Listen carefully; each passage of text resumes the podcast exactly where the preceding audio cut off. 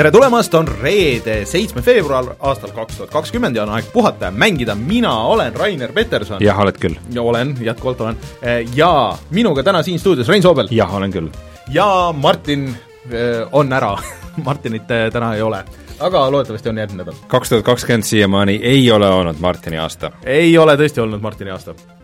Aga... siin saates vähemalt muus elus võib-olla väga tea, hea aasta. jah, võib-olla ei, eks järgmine nädal äh, küsime ta käest. aga Martinit ei ole, millest on kahju, sest et meie siiski natuke siin tähistame täna eh, oma neljasajandat saadet. et eh, me oleme suutnud teha nelisada saadet, ma hakkasin mõtlema täna, et et see on ikkagi et miks? see oli üks küsimus. ja siis äh, teine äh, mõte oli see, et sa saad aasta läbi, sa saaks iga päev kuulata ühe saate ja sul ei oleks, sul oleks, sa kuulad aasta läbi, iga jumala päev kuulad ühe saate. ja ikka sa ei jõua äh, nagu aastaga läbi, sul on äh, mis on siis, kolmkümmend viis saadet on veel. Challenge, kuula, kuulake keegi äh, kaks tuhat kakskümmend aastal läbi kõik meie saated. ja vaadake juurde sinna kõik meie videod. no Eh, neid on ka siis eh, mingi kuus, aga kas saated lähevad eraldi videotena arvesse? vahest on niimoodi, et tegelikult väikse niisuguse inside infona, et see audiosaade ja siis videosaade nagu sada protsenti ei klapi, audiosaates vahest on välja lõigatud mõned asjad, mis videosaates on alles see on nagu kõlab, see, kuidas sa seda praegu vormistad, kõlab nagu mingi eriline tsensuur käiks nagu. ei, mitte tsensuur, aga vahest, vahest Aa, juhtub jah? mingi tehniline jamps ja midagi, keegi läheb ära ja siis vahepeal, kui, äh, kui näiteks Rainer ütleb midagi halba mõne meie ja. potentsiaalse sponsori ja, kohta, siis me lõikame tšak-tšak-tšak-tšak-tšak välja.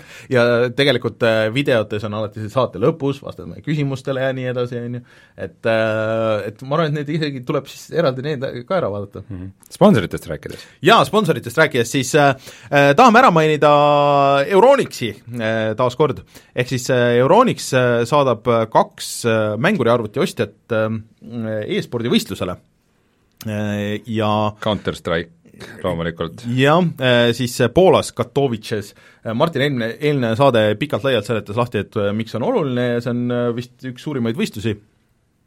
Nii et, et, et nii palju talenti ühes kohas koos mm -hmm. pole varem olnud? ja see toimub kahekümne kaheksandal veebruaril äh, ja siis kestab esimese märtsini. ja et Euronix maksab kogu selle sõidu kinni ja seal ööbimised ja, ja kõik need asjad ja kes äh, tahab siis selles loosis osaleda, peab äh, ostma mänguri arvuti, mis läheb siis selle kampaania alla enne kuueteistkümnendat veebruarit sellel aastal, ehk siis nädal aega on aega, on rohkem kui nädal. jah, on, äh, on aega osaleda, kellel soovi on. kes niikuinii plaanis mänguriarvutit osta, siis miks mitte praegu? jaa, see on päris hea variant, ma arvan nii et äh, Euronixi lehele, kui minna äh,, seal kohe esilehel euronix.ee-s äh, leiab selle äh, lingi sinna, kus on kõik täpsemad kampaania tingimused ja, ja kõik need äh, ja Äh, kes meid laivis vaatab, siis äh, äh, ka chatist näeb kohe lingid, asjad ära. nii et minge ja tšekkige ja, ja kui on õhus äh, mänguriarvuti ostmine, siis äh,, siis kaaluge seda varianti. vot nii, niisugune mm -hmm. reklaamilugu siia äh,. Siis äh, käime läbi kohustuslikud asjad, kuhu ma põimin uusi asju ka ehk siis meid saab kuulata kõigile uutele kuulajatele, nagu ikka Spotify'st, SoundCloudist, siis kõigist RSS-i ja podcast'i rakendustest ja Youtube'ist ja meid saab toetada Patreonis, patreon.com, kaldkriips puhata ja mangida. Seal, kui toetate meid vähemalt siis selle kõige väiksema summa eest, mis seal kirjas on, siis saate tulla meiega chat ima Discordi ja siis oleme väga tänulikud teile ja siis kõrgemate summadega ütleme teie nimed ka maha, näiteks tahaks eraldi siin tänada veel Taavit, Jürit, Felicit, Jutustaja X-i, ML Linuxit ja Margust. nii, enne oli niimoodi, et särgid sai ka ja särgid sai selle kolmekümne euro tasemel. aga selle meie neljasajanda sünnipäeva puhul suur väljamüük.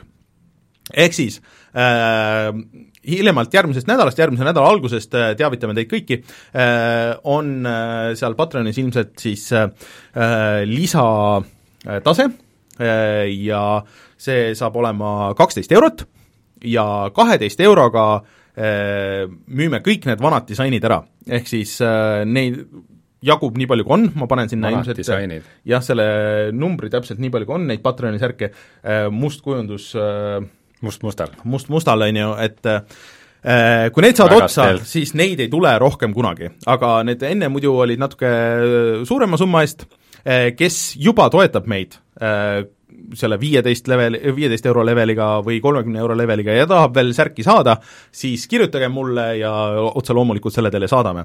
ja saatmine on seal sees, nii et äh, jälgige meie äh, kas siis Patreoni kanalit või siis äh,, siis äh, seda äh, Facebooki kanal, Facebooki ei tule meeldegi viimasel ajal üldse.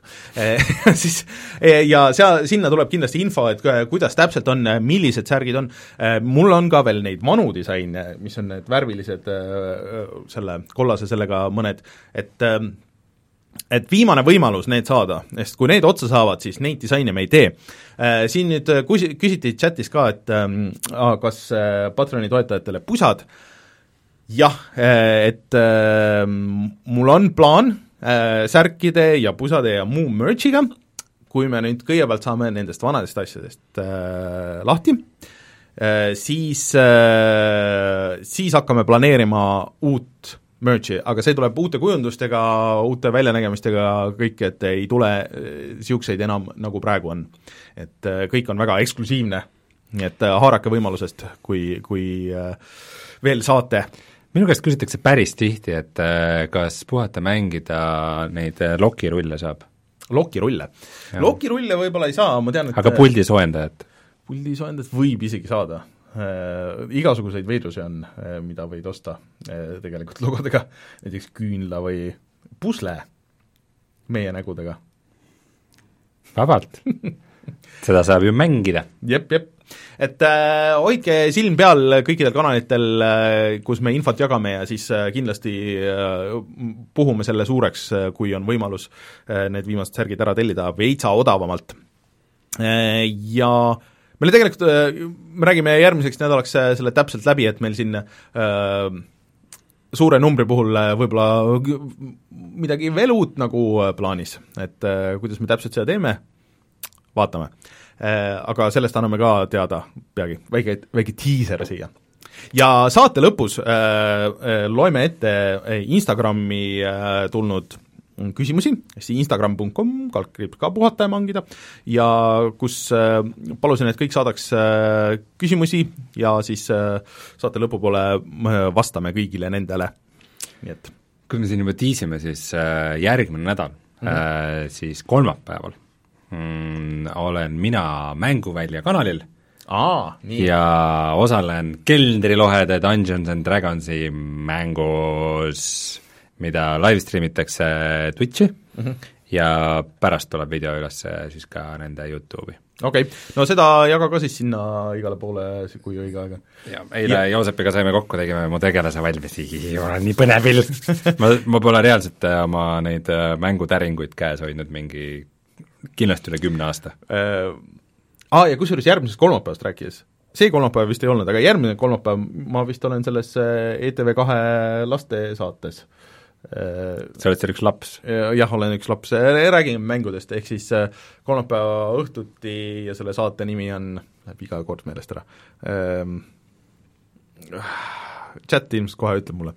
aga kolmapäeva õhtuti kaheksa, mul on no see kellaaeg on meeles, kaheksateist kolmkümmend viis ETV kaks äh, ja äh, siis äh, paar saadet mainin ära mõne mängu, mida võiks mängida äkki mõned nooremad.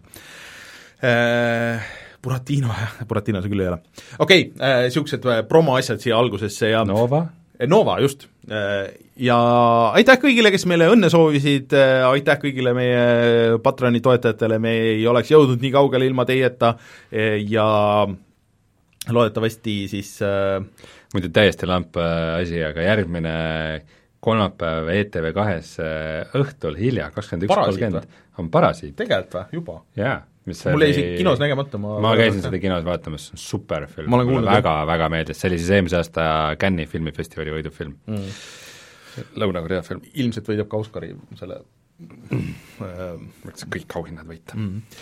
okei okay, äh,, nii, on siia algusesse veel midagi, aa, meie YouTube'i kanal, jaa. Patreonid ütlesid ära ikka? Patreonid ütlesin ära, kõik ütlesin, selle Patreoni teema ütlesin ära. YouTube, YouTube! Äh, eelmine nädal läks video vaatamist, äh, mis, äh, see on niisugune mäng, et see video vajab vaatamist, seda on väga raske seletada, mis see mäng on, aga hoiatan, et seal võib näha kuldseid junne, nii et minge, minge tšekkige välja, ma ei tea, minu meelest see on lõbus see on tegelikult, kahju, et ta tehniliselt nagu nii, nii halvasti jookseb, aga aga see on üks lõbus mäng.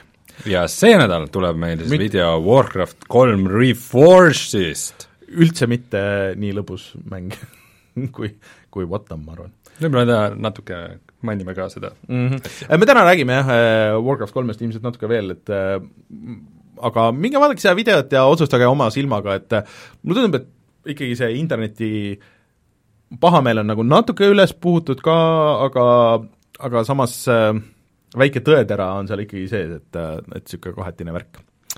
vot, niisugused asjad, Rein, millest me veel täna räägime?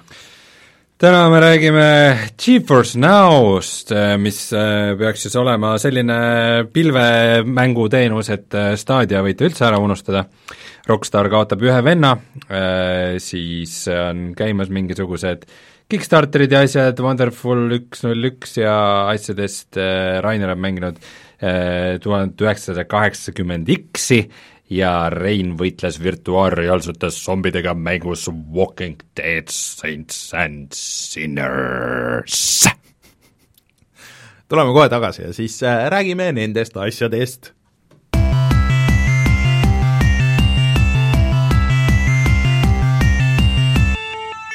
Uudised. no kas see staadion nüüd ikka lõplikult surnud? ütle mulle, kas nüüd staadiaga on, nüüd on ikka täitsa kõik staadiaga, jah no,? Natuke... kas staadionile ikka täitsa tõmmati vesi peale, jah? no natuke tegelikult tõmmati vist küll kes äh, tõmbas uh,? GeForce Now uh, on tegelikult ju mingis beeta versioonis olnud väga tükk aega erinevates erinevatest versioonidest, aga äh, suhteliselt vaikselt, ilma mingi väga suure kärata, siis äh, tuli äh, see ametlikult välja, et tegelikult kõik, mis nad teevad, me ei ole ise seda jõudnud proovida, Martin on jõudnud proovida just, aga aga me ise Oled ei ole kindel või? Äh, ma sain aru küll, et, et nad siin kontoris testisid seda mm, -hmm. aga äh, see nüüd tuli ametlikult välja ja kuigi seal on mingid mõned veidrused, siis äh, see kõik kõlab tegelikult päris hästi kõigile neile, kes ei ole viitsinud sellel asjal silma peal hoida, mis see Google Stadia ja, ja pilved ja asjad on, seleta hästi lihtsalt ära, mis asi on GeForce Now? Äh, GeForce Now on siis pilvemänguteenus, et kus äh, mäng tegelikult jookseb kuskil äh, pilves mingisuguses serveris, sina saad enda seadmesse selle videopildi ja siis kontrollid seda kas enda poolt siis kas puldi või klaviatuuri ja mingi asjaga, kuidas iganes, või ekraaniga. ja see tähendab seda, et sul ei pea olema väga võimas arvuti, see võib olla nagu täiesti suvaline laptop või tahvel või telefon või mis iganes, Äh, ja kõik see pilve pool nagu tegeleb selle protsessimisega mm. -hmm. Google Stadiaga on see asi, et Google Stadial ei ole vist mitte mingisugust tasuta asja, et mingi hetk pidi tulema, aga praegu niisugust nagu tasuta taset neil ei olegi, nagu ma olen aru saanud, aga see Google äh,, GeForce Now'l on siis, on tasuta tase ja siis on premium tase ja see äh, ja see mm, Founders Edition tier on siis äh, umbes viis a la eu-, eurodes on veidi kõrgem, viis nelikümmend üheksa mhm. äh, kuus. Äh, nad ütlesid, et see millalgi on? võib kõrgemaks minna. ja see erinevus on selles, et äh, siis kui muidu selles tasuta asjas sa saad mängida neid mänge, mis sul on endal olemas, teiste seadmete peal äh, ja need jooksevad sellise, sellise jõudluse peal nagu umbes äh, mingi see mm, nagu tuhat kaheksakümmend äh, GFX kaart oleks mm, -hmm. äh, GeForce'i kaart äh,. Aga kui sa maksad selle viieka, siis need jooksevad siis rate race itud RTX kaks tuhat kaheksakümne tasandi mm, -hmm. taseme kaardiga umbes, umbes sama tase aga.... ja, ja põhimõtteliselt ma ei tea, mul, ma isegi kohe mõtlesin selle peale, mul on nagu päris võimas mänguriarvuti, on ju, mhm. ainult et graafikakaart on natuke vanem, mul on see tuhat seitsekümmend Ti mhm. seal sees kui ma tahaks näha välja näiteks, missugune näeb mingisugune mäng, millel on ray tracing'u tugi selle peal, siis ma võiksin viieka eest oma mänguri arvutil proovida mm., kuidas see välja näeks parema aga tead, mis seal kõige suurem see nii-öelda killer osa, noh, alati muidugi äh, väike disclaimer siia, et ma nagu ise ma põhimängumasinaks või mängu äh, kuidas ma ütleks, mängukogemuseks ei võtaks nagu ühtegi pilveteenust, sest et lihtsalt puhtalt äh, selles, et noh, see protsessitakse kuskil mujal, see jõuab sinuni, noh, väike lag on sul ikka sees ja noh, mis alati nagu võimendub, nagu sõltuvalt sellest, mis pulti või ekraani sa nagu kasutad ja nii edasi, eks. ja kui hea internet sul on muidugi, mis on väga oluline. noh mm -hmm. Eestis suur, see suuresti ei ole nagu probleem, aga no võib-olla kellelgi on eh, ja no muidugi mujal maailmas see on, see on suurem. aga mis on seal oluline, et GeForce Now äh, lubab sul mängida kõiki neid, või mitte kõiki küll, vabandust äh,, mänge, mis sul on juba Steamis äh, ja selles Blizzardi selles kliendis ja Epicus ka. ja Epicus ka, on ju. mitte kõiki äh, ja need, nendest osa on nagu niimoodi mängitavad, et äh, noh, lähed ja siis on ilma load, load'ideta ja need on kohe nii-öelda nagu installitud. Osadega sa pead nagu natuke ootama aga Stadias sa pidid kõik need mängud ostma, need olid lukus su selles äh, Stadia kontos, sa ei saanud näiteks mitmikmänge risti mängida nendes äh, noh, näiteks Steam'i mängijatega või, või konsoolimängijatest nagu rääkimata, on ju, et äh, äh, et see kõlab nagu palju paremini. äh,, vähemalt paberil, on ju, et kui see tehnika vähegi töötab. No põhimõtteliselt äh, kogu internet ongi täis nüüd nagu niisugust juttu, et nagu, et äh, Stadia on noh, mõttetu ja GeForce Now teeb, teeb nagu kõigele tuule alla ja nende pakkumine on parem, ma siiski, kui nagu emotsioonid nüüd kõrvale jätta, et kõik mm -hmm. vihkavad Stadiat mm, -hmm. see on nagu ilmselge mm. -hmm. eriti Rainerile siin meeldib äh, vihata Stadiat no., ütleme, et sul on tekkinud ka niisugune väikene äh, niisugune mõnus huvi nagu veidike käsi juurde ja, ja öelda, et küll on ikka halvasti. aga minu meelest noh, teoorias vähemalt mm, -hmm. on paar asja ikkagi tegelikult staadio kasuks. ja ma ütleks, et kõige olulisem sellest tegelikult on pult. Sest et äh, kuigi see GeForce Now, ta jookseb äh, ka siis äh, telefonidel nii iOS-i kui Androidi kui ka tahvlite peal mm, -hmm.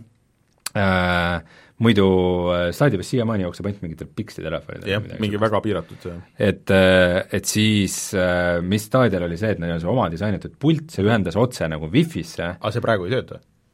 see pult ei tööta üldse või? see niimoodi ei tööta, sa pead, sa pead juhtmega seda kasutama. Päriselt või? jah, et see praegu, praegu see rist, see rist, ristimäng niimoodi, et see ühendab puldi nagu netti ja siis sa, vahet ei ole, kus seadmes sa seda kasutad see, see on praktik-, või nagu teoorias hullult uus, aga see praegu praktikas ei tööta. okei okay., see on, see on point. aga noh, ütleme, ma ei tea, et mul, ma tahan siis omal telefoni peal mängida mingit äh, Metro Exodust siis mm. -hmm. kuidas ma mängin seda, mis puldi ma ühendan selle telefoniga?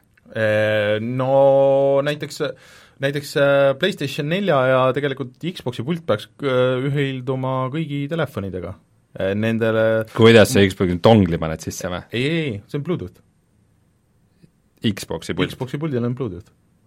Miks ta siis mul arvutiga ei ühenda läbi Bluetoothi, vaid ainult siis, kui ma selle dongli panen USB-sse üle mingi wifi asja? sest et äh, sul võib-olla on vana, vanemat tüüpi, sest et Xboxi pilte on kaht- äh,, One'i pilte on kahte tüüpi mm. -hmm. Need, mis alguses tulid äh, vanemad, nendel ei ole, see sõltub sellest, kas sul see mm, kõrvaklapipesa on seal e-, ees äh,? mu Xboxi puldil? ma ei ole kindel selle järgi saab hästi aru, et kui sul on see, siis sul on Bluetooth ka ja siis sa võid ühendada iga Bluetoothi seadmega. okei okay., aga kas see, et äh, mingi PlayStationi pult nagu niuhti ühendub nagu äh, telefoniga, on oh, jaa, ma olen proovinud, jaa äh,, selle äh, siis kui, siis kui, kui vahepeal see... oli nagu mobiilne VR teemas mm -hmm. ja ma ostsin oma esimese selle kuramuse Samsung VR-i mm, -hmm. siis ma ostsin sellele veel eraldi mingi SteelSeries'i puldi pärast juurde. see on mingi viimase poole aasta teema et äh, siis, kui see Apple Arcade tuli mm, -hmm. siis Apple'i äh, iOS-i tuli ka mingi uuendus, et toetab ametlikult nii PlayStationi kui Xbox'i pilte okay,. ja Androidil tööt... tuli ka mingi, see oli seoses pigem nagu Fortnite'iga ja ma, nende asjadega. ilmselt jah, Fortnite on siin natukene teed näidanud. Selles mõttes, kui see niimoodi on tõesti, kui see niimoodi toimib, siis see on nagu punkt no. GeForce näo kasuks, aga äh, kas sa saad seda kasutada nutitelekaga? Või lihtsalt telekaga? hea küsimus, telekasse niimoodi vist sisse ehitatud ei ole, et sa pead äh,, GeForce'il on oma see seade, see Shield, mis on ka nii niisugune noh, nagu nii-öelda meediamängija äh,, kui ka niisugune kaasaskantav, niisugune Switchi-laadne mingisugune vahend, variant on neil mm, -hmm. kus on ekraan ka minu meelest, ja sellega sa peaksid saama ma ei ole sellest nüüd seda see ei olnud absoluutselt see, mida ma küsisin, ma küsisin aga sa ei saa niimoodi, telekatesse, telekasse sisse ehitatuna ei ole, aga selle Shieldiga sa saad äh, küll teha, kui sa guugeldad, niisugune on Nvidia Shield, see on tegelikult miks ma peaksin Nvidia Shieldi omale ostma, ma küsin, kas ma oma telekasse saan äh, striimida mängu? no sa ei saa ju praegu sellesse ka ju striimida ju sul peab Chromecastiga saan. aga see on seesama asi, mis Chromecast, sama hind isegi vist, kuskil mingi paarsada euri maksab. aga Chromecastiga saab ju igasuguseid muid asju ka teha. sellega saab ka. Shieldiga? jah see ongi niisugune samasugune nagu meediamasin väike. ega see Shield oli täitsa teise pondiga, ta oli mingi lahtikäiv ei, neid on minu meelest erinevaid versioone, et äh, on niisugune ka, kus ekraani ei ole, mis sa ühendadki ainult telekaga ja kasutad meedia mängimiseks. nii et siis ikkagi on vaja eraldi seadet? no on vaja eraldi seadet telekas mängimiseks, selles mõttes küll, aga sul on mm. samamoodi on Chromecasti või Chrome'iga vaja ka ju. või selle äh, Stadiaga no mul on näiteks Chromecast Ultra olemas, mul ei oleks olnud vaja no, eraldi. kuigi seal oli vist mingi aga, vahe, et aga, varasemad Chromecast aga Ultrad ei tööta. saama saata näiteks, kui sul Chromecast Ultra on olemas, siis sa saad saata telefonist või mingist teisest seadmest sellesse Chromecasti. põhimõtt-, noh, lisalääg muidugi, aga aga põhimõtteliselt peaksid saama mm,. Kas need Chrome, need asjad ei taha mingit eraldi spets äppi? ei, minu meelest ei ole, minu meelest kõik äpid peaks jooksma sinna, et sa mirrordad seda ekraani, iseasi, kui kvaliteetne see on muidugi okei okay,, no ühesõnaga, siin on mingid teatud tagased mm. -hmm.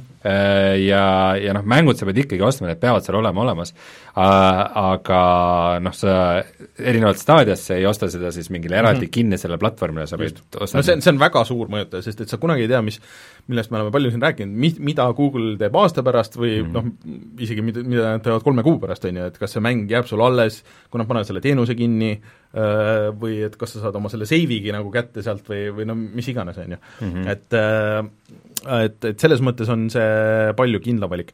noh, muidugi Shieldi kasuks või selle Stadia kasuks nagu, kui, kui need kõik asjad, mida nad alguses välja reklaamisid, vaata see, et sa saad otse YouTube'i striimida ja, ja inimesed saavad otse kommenteerida ja mõjutada seda mängu ja sa saad kohe salvestada ja kohe ju-, äh, nagu äh, noh, sa vaatad kellegi striimi ja sa saad sinnasamma mängu või noh, sedasama mängu hakata sama koha pealt näiteks öö, mängima ja noh, mingid niisugused asjad, mida ta alguses lubas, kui need kõik töötaks, noh siis ei oleks nagu mingit küsimust, et noh, väga tore on ju, et see äh, GeForce Now töötab ja, ja tegelikult see X-Cloud ja kõik need tegelikult töötavad praegu, et noh, vahet väga ei ole, on ju, aga lihtsalt äh, Google Stadia ei ole käima läinud veel ja, ja nagu pooled, mis pooled, üheksakümmend protsenti nendest lubatud asjadest nagu ei tööta veel ja on katki ja uusi mänge nagu ka ei tule, vaat neil oli mingisugune isegi pressikas, kus nad ütlesid, no et meie nagu siin ei kuulutagi uusi mänge välja, et me jätame selle mängu arendajatele, on ju. aga keegi pole mitte midagi öelnud ja ma arvan, et vaadates seda, kuidas see vastu on võetud, on ju, keegi ei viitsigi teha, et, et äh, ma saan aru, et see ei ole ikka päris nagu niisama, et äh, viskad mängu nagu selle PC versiooni laed üles ja see töötab, et sa pead ikkagi nagu investeerima natuke sellesse ja seda tuleb eraldi nagu pild teha selle jaoks. nagu kui vaadata seda noh, just praegu nüüd see GeForce Now võrdluses, siis mm -hmm. tundubki see, et et võib-olla Stadia pani nagu kõige rohkem mööda sellega, et nad hakkasid mingit niisugust oma platvormi sellega mm -hmm. tegema, mis põhimõtteliselt justkui konkureerima konsoolidega või olema veel no. üks konsool või et see, et see on no, PC-põhine, on ikka palju loogilisem. Äh, kõige parem stsenaarium on nagu tegelikult see, et Google'il on aega, neil on raha, neil on tegelikult jumal, et see on, praegu on jah niimoodi, aga vaikselt nad teevad seda kogu aeg edasi, noh et äh, koerad hauguvad, karavan sõidab, on ju, nad lisavad kõik need, kõik, kõik need äh, asjad, millest nad nagu rääkisid ja, ja siis äh, umbes aasta aja pärast, on ju, kui see asi päriselt on valmis, et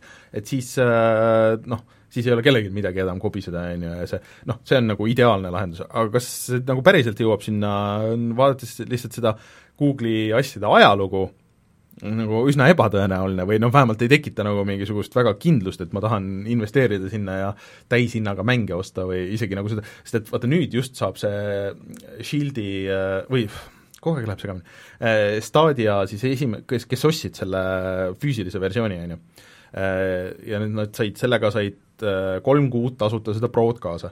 ja nüüd peaks saama see läbi kohe, et kui mitu inimest jääb nagu tellima, et arvab, et see on nagu hullult hea diil ja ma tahan nagu maksta selle raha, ma ei mäleta, mis see Stadia kuumakse oli, et viisteist või?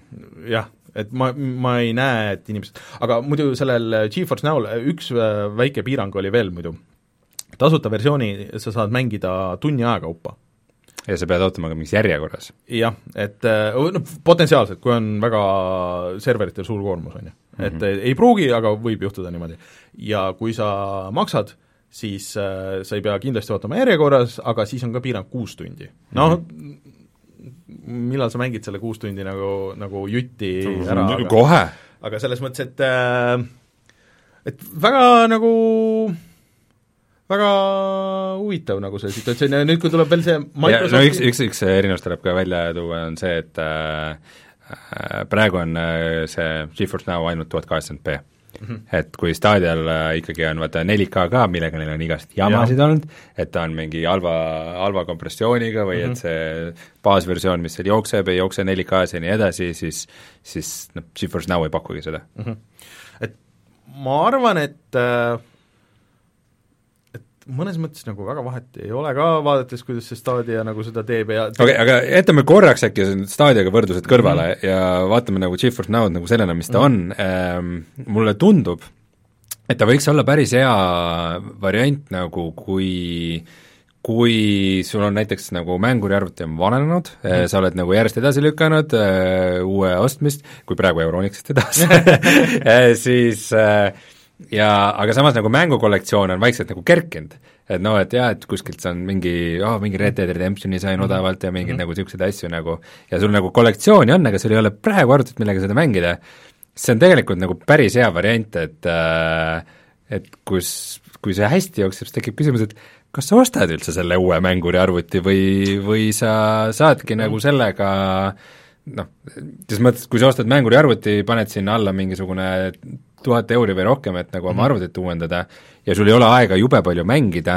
ja see arvuti vananeb mm -hmm. nagu ja paari aasta pärast peab jälle nagu uue ostma, siis see, et sa, kui sa tahad mängida, sa maksad mingi viieka sisse ja, ja saad neid mänge noh, väikse, väikse nagu läägiga, aga, aga ikkagi suhteliselt mm -hmm. okeilt mängida, on ju tegelikult päris hea alternatiiv mm. -hmm.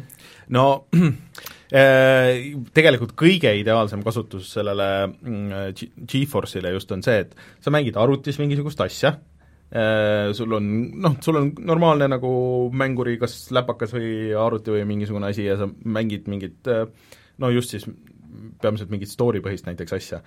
aga siis sa oled kuskil ära, sa oled äh, reisil või sa oled äh, kuskil äh, teises kohas, on ju, kus, kus su päris see mänguriarvuti ideaalis, ma ei tea, kas see sada protsenti töötab niimoodi, on ju, et sa paned selle GeForce Now tööle, sa võtad sealt äh, selle Steam'i cloud save'i ja lihtsalt jätkad, mängid võib-olla noh, nagu väikse lag'iga, aga, aga võib-olla isegi nagu parema pildiga, on ju, mängid oma mängu edasi, äh, kui sul on see võimalus, ja siis salvestad ära ja siis äh, mingi hetk, kui sa lähed teise arvuti taha, siis jätkad jälle sealt, kus sa selle teise masinaga jõudsid mm. -hmm. et mhm. see on see kõige idekam äh, see nii-öelda mängukogemus, ma arvan, niisugune üldse nagu kogu selle striimimise jaoks, et see on nagu toetav asi, et sa tahad vahest nagu mängida mingeid niisuguseid asju kuskil seal, kus kus sa ei vea oma seda suurt arvutit kaasa või näiteks keegi teine kasutab sul seda äh, äh, põhiarvutit või, või sa millegipärast ei saa seda kasutada, on ju, ja siis sa lihtsalt mängid kuskil mujal mm. -hmm. et äh, aga noh, näis, kas see nagu on päris nagu see, et noh, see kõik see lag ja su internetikiirus ja kõik, kõik, kõikidest nendest asjadest nagu sõltub. no selles mõttes igatahes GeForce'i nagu, kui nad seitse aastat sellega töötanud on vaikselt, siis ma nagu usaldan neid rohkem kui nagu Stadiat mm. -hmm. ja küsitakse mitu korda, et kas see töötab ka AMD videokaartidega, siis jaa, et seal vist ei tohiks nagu mingit vahet olla. et äh, see jookseb nagu lihtsalt video feed kuskil. jah, kui sa selle äpi installid, siis peaks ju okei okay olema mm.. aga vahepeal öeldi ka seda, et see Shield on siis Android TV platvormil mm. -hmm. ehk siis Android TV platvormi äpp töötab, aga see pole teistele seadmetele veel saadavaks tehtud, ütleb okay. neile Aavo mm -hmm.. okei okay ma äh, pean ütlema, et ma tean väga vähe, mis asi on Android TV platvorm. see on see, mis telekatel jookseb, see Android TV nii et nagu teoreetiliselt võiks seda saada siis nutitelekast mängida või? ja Shield jookseb ka Android TV, et see Shieldist on, seal meil täpsustati, et on olemas Shieldi tahvel ja siis on see Android TV nagu boks. nii-öelda, et kui sul näiteks telekal ei ole Androidi, nagu osadel ei ole, on ju, on mingi oma mingid süsteemid või mis iganes, või on vana telekas, et siis on see boks ja siis seal boksist juures võib joosta seesama asi. oota, mul on kodus Sony Bravia 4K telekad, mis on Androidi platvormil ja see on Android toet... TV peaks olema? kui see toetab Android TV-d, ma oletan, see on äh, äpp, mida ma pole kunagi täheldanud oma telekas. ei, see ongi see kogu see opsüsteem. aa, okei okay. mm. -hmm. see tähendab, et põhimõtteliselt ja. äh, see ei ole veel saadavaks tehtud, aga põhimõtteliselt ma saaks oma telekaga seda kasutada? teoreetiliselt küll, jah. kuidas ma oma telekaga pulti ühendan? sul on telekatel osadel on ikka, osadel ikka on, ma ei tea, kas konkreetselt kõigil aga... mängin telekapuldiga, mängin mingit jah, just.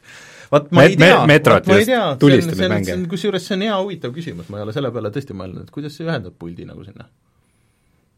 no siis on võib-olla ilmselt see USB dongli nagu case. no USB see on olemas. Peaaegu kõigil telekatel ikkagi. ikka muidugi. Mm..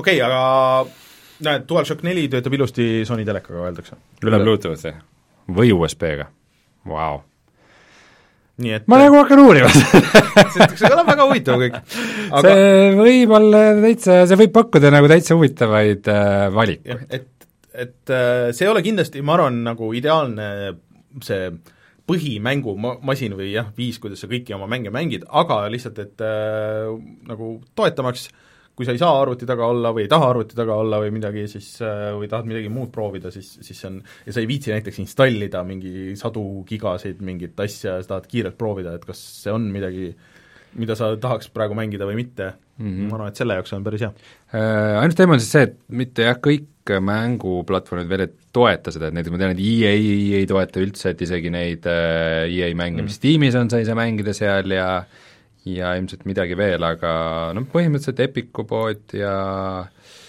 ja Steam ja asjad seda ikkagi nagu toetavad mm.. huvitav. ja Steam link on ka olemas Android TV peal, nii et sa saad Steamist otse panna sinna. Öeldakse chatis. ja tegelikult äh, suuremal osal uutel arvutitel äh, sa näiteks juhtmega ei pea üldse ühendama, sa saad seda screen mirror'it saad teha selle Miracast'iga mingi põhimõtteliselt kõigi telekatega iga samm teeb ja lag'i juurde. seal on, seal on see lag'i probleem ainult küll, jah okei okay, okei okay, äh,, räägime täna mõnest muust uudisest ka või? see on kõik tegelikult väga põnev ja sellest, see väärib rääkimist. see on, ma arvan, see on väga praktiline info väga paljudele inimestele tegelikult mm. -hmm. nii, nii, PlayStation pani stuudio kinni äh, Manchesteris mm, -hmm. mis äh, kuuldavasti olevat äh, alates kaks tuhat viisteist aastast saadik töötanud PlayStation VR projektidega mm. -hmm. mis see siis olgu? Äh, noh, ma ei teagi, mis see nagu olgu suures plaanis, et eks see ole nagu natuke seotud selle Inglismaa keskkonna kui üleüldse niisugusega, et vaata, väga palju Inglismaa stuudioid on kinni pandud. et äh, et see esmapilgul võib muidugi tähendada seda, et Sony äh, või viidata sellele, et Sony võib-olla ei usu enam nagu VR-i nii palju, aga teisest küljest ma arvan, et äh, võib-olla suurem mõjutaja on see Brexit ja, ja kogu need äh, keerulised asjad, mis Inglismaa stuudiotega ja asjadega praegu on, et mm -hmm. nägime seda just siis, kui see Brexiti algusaeg oli nüüd siin siis et kuidas need mm, mitmed stuudiod nagu sealt ära kolisid ja ära koliti, et, et aga noh mm,, me ei tea ju midagi veel sellest äh, tulevast on, äh, VR-ist. ütleme, et see on suhteliselt kinnine olnud, äh, kõik, mis seal toimub äh,, aga äh, nii palju on teada, et äh, nad töötasid algusest peale mingisuguse oma mänguga ka ja ühel hetkel sealt vist pooled inimesed lasti lahti ja neid sunniti ikkagi olema niisugune toetav stuudio teistele, teistele VR-projektidele.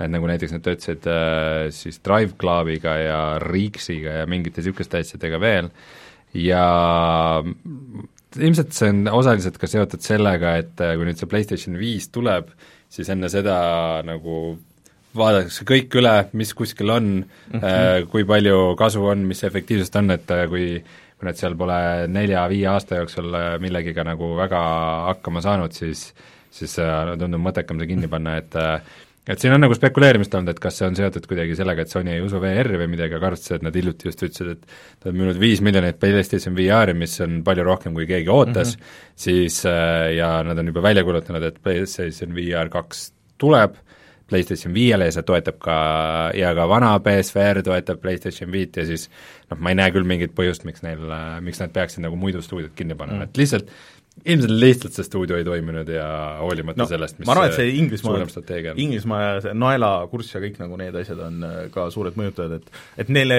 ma arvan, et on odavam see kinni panna ja vajadusel teha kas mingi uus VR-üksus või, või, või avada täiesti uus stuudio, kui nagu seda edasi toetada seal mm. -hmm. minu teooria on jätkuvalt, et äh, PlayStation VR kahega tulekuga läheb nagu VR päris massidesse mm aga üks vend läks Rockstarist ära ja see ei olnud üldse mingi tähtsusetu vend, see ei. oli siis äh, Dan Hauser, äh, kes oli siis Rockstari üks asutajatest ja siis oma venna Sam Hauseriga koos on nad põhimõtteliselt olnud äh, nii GTA viie kui Red Dead Redemption kahe kui ka enam-vähem kõikide varasemate mängude nagu kaks põhilist eestvedajat, et Dan oli siis ka vice president mm -hmm.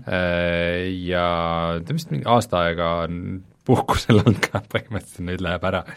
et ma ei tea, selles mõttes, selles mõttes mingis mõttes ei tea, mis seal tagaplaanid on, aga lihtsalt nagu kui niimoodi kaugelt vaataja pilguga vaadata, siis et kui sa oled nagu mingi see on põhimõtteliselt sinu stuudio? et üle kahekümne aasta nagu nonstop lihtsalt äh, teinud mänge mm -hmm. ilmselt mingi noh, see crunch, crunch, mis seal toimub, ilmselt ongi umbes nende mm, -hmm. nende vendade nagu eeskujul, kes nagu lihtsalt äh, mingi sada tundi nädalas töötavad oma mängude kallal ja mm, -hmm. ja siis ühel hetkel sa avastad, et sa oled nagu väga väsinud ja väga-väga rikas et, et teinud äh, kõige edukamad mängud üldse maailmas põhimõtteliselt nagu. kõige, kõige edukama meelelahutusprodukti üldse mm. -hmm. ja siis ähm,, siis ma ei tea mine puhka siis vahepeal. Noh, mis vaevalt ta mingisse teise stuudiosse tööle läheb. jaa, aga mis selle nagu selles mõttes huvitavaks teeb, et tema oli see põhiliselt story mees. et tema ikkagi nagu peamiselt kirjutas kõik need äh, GTA-d ja, ja Red Deadid ja kõik need asjad. tema kirjutamise mõttes on Red Dead Redemption üks, Bully ja Max Payne kolm mm. on need, mis ta on kirjutanud et äh, nad include ivad, aga ma saan aru, et tema oli ikkagi äh... võib-olla jah, see on see, mis Eurogeimer välja tõi. et, et ühesõnaga et kas see tähendab seda, mis võib nagu vabalt olla, et noh, ilmselgelt nagu GTA kuus, mida meilt küsitakse iga nädal, äh, on on ilmselt töös, ma arvan, et isegi nagu päris kaugel töös, on ju, äh, noh, tõenäosus on suur, et kõik, mis on vaja kirjutada nagu, et see on juba ammu ära kirjutatud, et see on nagu ära tehtud, et nüüd käib mingi see tehniline värk. või siis teine mm, variant, et äkki seal oli nii vähe vaja kirjutada, sest et see on lihtsalt selle online'i see, see lihtsalt see sissejuhatus, on ju. Dude, et äh, tule siia, teenime pappi. et need viskas käbe paberi peale ära ja siis keegi kirjutab need lõpuni need mingisugused noh, ära löö mind. See kõik, kõik need ära ja et siis noh, ei olegi midagi nagu teha et äh, et ja muidugi no arvestades, et ta on nagu aasta aega juba puhkusel olnud ja, ja et, et et see võib olla see kultuuri asi, vaata, mis tõmmati nagu hullult käima seoses Red Dead kahega ja see värk, et see võis nagu mõjutada ka, et seal need teised, äh, need äh, siis äh, mis see eesti keeles, osanikud ja kõik nagu need ütlesid, et jõu, et äh, et puhka jalga. puhka jalga, et äh, me siin teeme nagu asju ringi ja siis võib-olla lihtsalt ütlesid, no fine, tehke siis, et I m out.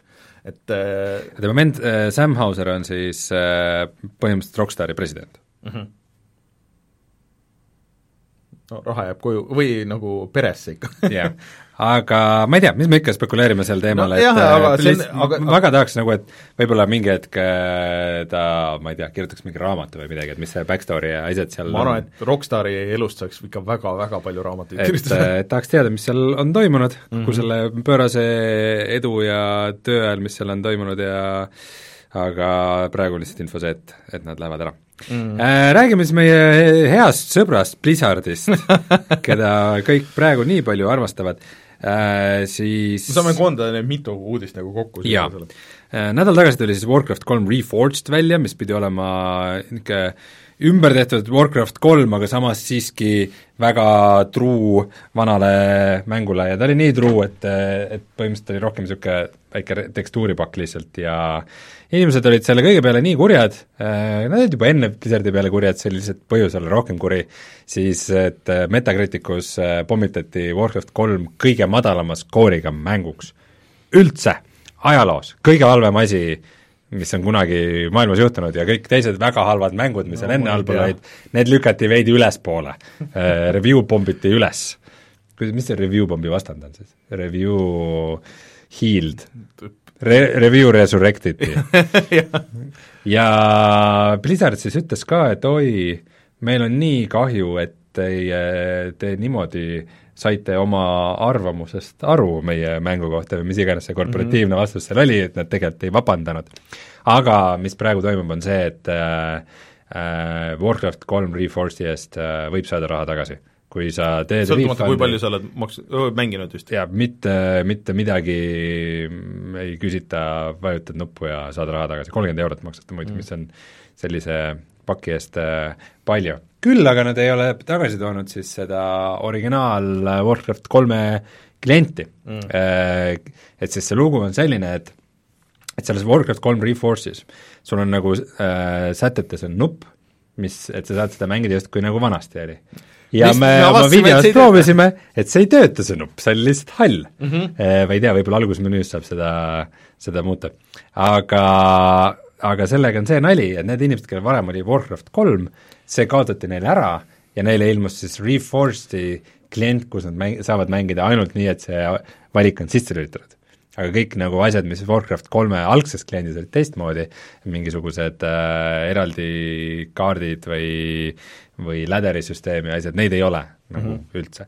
et põhimõtteliselt, et jah, Et nad Ma- aga kas, aga kas nagu nad nii refund ivad siis? kas nad saavad seda refund ida siis ka vanade, vana mängu omanikele? vot see on see koht, kus äh, vaata, digitaalsed mängud on nagu veitsa ohtlikud, et kui keegi otsustab midagi niisugust teha, no sa ei saa nagu takistada nagu seda või noh, selles mõttes, et kellel on plaadi peal olemas, noh sa saad seda üksikmängu saad ikka või mingi piraserveritest saad ikka mängida, aga näiteks konsoolidel, kui sul on mingid mängud on digitaalselt, tahad seda mängida, seda näiteks enam ei ole, kaotatakse ära ja siis niimoodi ongi nagu. Et äh, see on nagu natuke hirmutav äh, selles mõttes. Ja lihtsalt veider on see, et nad StarCraftiga, StarCrafti remaster'iga ei teinud ju seda, seal ei ka, et sai risti mängida veel selle vana kliendiga ja nii edasi, on ju, et ma ei saa aru, miks nad ei oleks võinud nagu Siim Kallaste seda teha, pluss see, see, et see vist, see update ja kõik need asjad, et noh, see netimäng läks katki nagu nii vanal kliendil kui uuel kliendil ja nagu see üldse ei toiminud nagu siin vahepeal mm -hmm. või siiamaani väga hästi. et pluss äh, see leping on ka uuel siis päris agressiivne, et kui sa teed mingit mm, -hmm. mingit moodi, siis see kuulub Blizzardile, et ei jaa. ole mingit vaidlus, vaidlust, et teist totat nad enda näppude vahelt läbi libiseda ei lase mm -hmm. Ja siis teine Blizzardi uudis on see, et äh, siis niisugune mees nagu Rod Ferguson võetakse tööle sinna Diablo peale. kes on Rod Ferguson? Rod Ferguson on mees, kes kunagi oli Epicus, siis äh, tegi Gears of War'i äh,, siis ta läks äh, Epicust ära The Coalitionisse, kus ta tegi edasi Gears of War'i. Ja nüüd tema oli see nii-öelda Gears of War'i põhimees äh, nendel viimastel, siis kui Cliffi B enam ei teinud äh,. Ja mis tundeid sinus tekitab siis nüüd see, et äh, just nende viimaste Gears of War'ide mees, ehk siis nelja ja viie hakkab üle vaatama Diablo arendust no ega see huvi enam madalamaks minna ei saa mulle, ma kartsingi, et et selles vaikselt hakkab nagu maa juba vastu tulema, et ega see huvigraafik on no, ütleme ma mängin teda niikuinii, seal pole vahet, aga et, et see on äh, no Gears of neli ja viis, et nad on olnud nagu väga kompetentsed või noh, selles mõttes, et nad ei ole olnud nagu katkised mängud, on ju, ja, ja See- lihtsalt nad- nürid. jah, et äh, ma arvan, et sellist sädet silmis.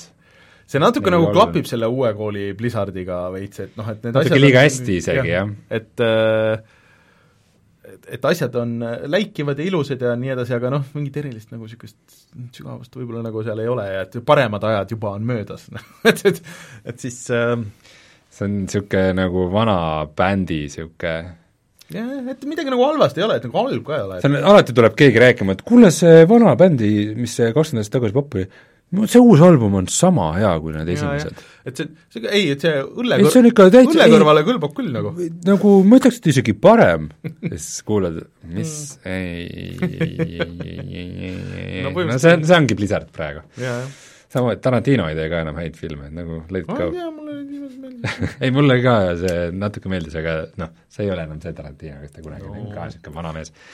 aga sa, sa oled jaganud meie Discordi mingeid Kickstarteri jutte ja ma vajutasin seda linki ja mul pole õrna aimugi, mis seal toimub. okei okay. äh,, tegelikult toimus eelmine nädal niisugune asi, et Platinum Games äh, ehk siis sinu lemmikstuudio? põhimõtteliselt võib nii öelda küll äh,, ehk siis Bayoneta tegijad äh,, mm, siis äh, Nier Automata, nende tehtud äh, Vanquish. Äh,, kohe kusjuures äh, paari nädala pärast tulebki see äh, Bayoneta ja Vanquishi nagu see anniversary pakk, ehk siis äh, mõlemast mängust on nüüd kümme aastat. Äh,, tuleb konsoolidele nii-öelda remaster. Äh,, aga panid endale veebile või tegid mingi uue osa, mis oli neli, lihtsalt Platinum Four, et mingit selgitust ei olnud ja siis äh, kas see oli reedel äh, ilmus siis esimene link sinna, et natuke muutus lehekülg, ja seal oli äh, link Kickstarterile äh,, mis äh, oli siis äh, Wonderful One Hundred and One, mis oli Wii U eksklusiiv, Platinumi tehtud. Äh,, oli väga sür mäng. Äh,, et sa see oli nagu niisugune kolmandik nagu vaates, sa käisid maailmas ringi ja siis sa üritasid vabastada nagu superherosid, et kõik olid, et sa saidki nagu sada üks superherot kokku ja siis sa joonistasid sinna ekraani peale äh, võitluses nagu erinevaid äh, sümboleid ja siis nad moodustasid erinevaid relvi ja see oli, see oli veits keeruline, aga väga nagu niisugune huvitav ja nii, aga see on üks nendest Wii U mängudest, mis ei ole nagu Switchi peale tulnud ja kõik on nagu seda väga tahtnud. et äh, see noh, müüs nagu väga halvasti, sest et äh, noh, kuigi oli nagu huvitav, mina seda mängisin, see jäi mul mingi hetk pooleli, sest ta oli nagu suhteliselt keeruline ja ta oli raske ja seal vist oli nagu see teema, et kui sa missiooni nagu alustad ja kui sa kuskil seal isegi nagu lõpupoole fail'isid, et seal ei olnud väga vist checkpoint'e, sa pidid uuesti alustama, on ju, ja, ja noh, palju niisugust nagu mõttetut grind'i oli. aga äh, ühesõnaga siis äh, oli Wonderful One Hundred and One'i Kickstarter, et äh, kui see saab täis, et siis see kindlasti tuleb Switchi peale. et siis seal olid need jätku, need goal'id ka, et noh, et nad küsisid alguses vist sada tuhat või viiskümmend tuhat või midagi niisugust, noh suhteliselt väike summa dollarites. ja, ja siis kas oli kolmsada tuhat, et siis tuleb arvutile ja, ja viissada tuhat siis tuleb PlayStation neljale ja, ja ma ei tea, miljon viissada tuhat siis äh, tuleb Xboxile siis põhimõtteliselt kahe päevaga nad said kokku üle miljoni äh,, ja seal üks põhi neid backer reward'e oli see, et, et noh, sa Twitteris Hideo, selle mitte Kojima, aga äh, ühesõnaga selle põhi, põhimehe, kes, kes teeb seda, et tema poolt blokitud, et ta on väga tuntud selle poolest, et keegi temaga mögiseb, siis, äh, siis ta kohe blokib ära nagu äh, ja nii edasi. väga hea asi, mille eest raha ja. maksta. Ja seal oli noh, väga palju need mingid soundtrack'id ja värgid ja kõik füüsilised. et nad ütlesid, et ühesõnaga, et okei okay,, et kuna sellel läks väga hästi ja nii edasi, et nad lähevad siis tagasi ja nad ikka nagu vaatavad seda, et see ei tule lihtsalt nagu tuimalt niimoodi, et nad timmivad seda, noh, anyways kontrolle ja kõiki asju peab timmima, et see tuleks välja ja niimoodi. ja see Kickstarter on alles käinud mingi nädal aega ja see miljon viissada tuhat on varsti nagu täis ehk siis, et see ilmselt tuleb kõikide platvormide peale. et see on väga tuus, aga see nüüd on esi- miks, Kickstarterit on vaja selleks, et eks üks stuudio no, peaks on, tegema ju...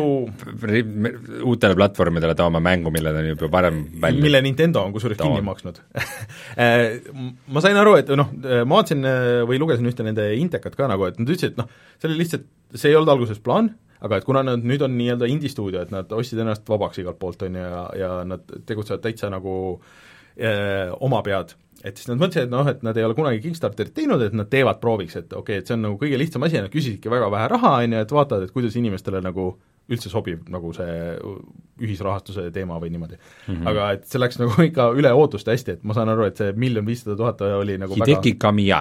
Kamiya, jah, et äh, et oli nagu rohkem nagu niisugune naljaga pandud, et või noh, et noh, põhimõtteliselt saame ära teha, aga noh, vaevalt siis, siis see läks nagu nii popiks. aga nüüd on huvitav, et äh, mis siis nagu need teised kolm tükki, et kas need on remaster'id ja remake'id ja kas sinna alla käib see, nad kuulutasid ju äh, nüüd, kui ma ei mäleta, mis event see oli, nad kuulutasid ühe uue mängu välja või näitasid uut treilerit ja siis noh, need kaks remaster'it, mis nüüd kohe tulevad, et kas need kuuluvad sinna alla, kas Bayoneta kolm, mis on välja kuulutatud, kuulub sinna alla, või et need on kolm täiesti uut asja. et äh, arvestades, et see on suhteliselt väike stuudio, indie stuudio äh,, see on äh, väga põnev ja üldiselt mulle on väga meeldinud need asjad, mis, kõik, mis nad on teinud, et isegi see Transformersi mäng, mis ei olnud nagu mingi super, aga ta oli kõige parem Transformersi mäng, mida sa saad mängida.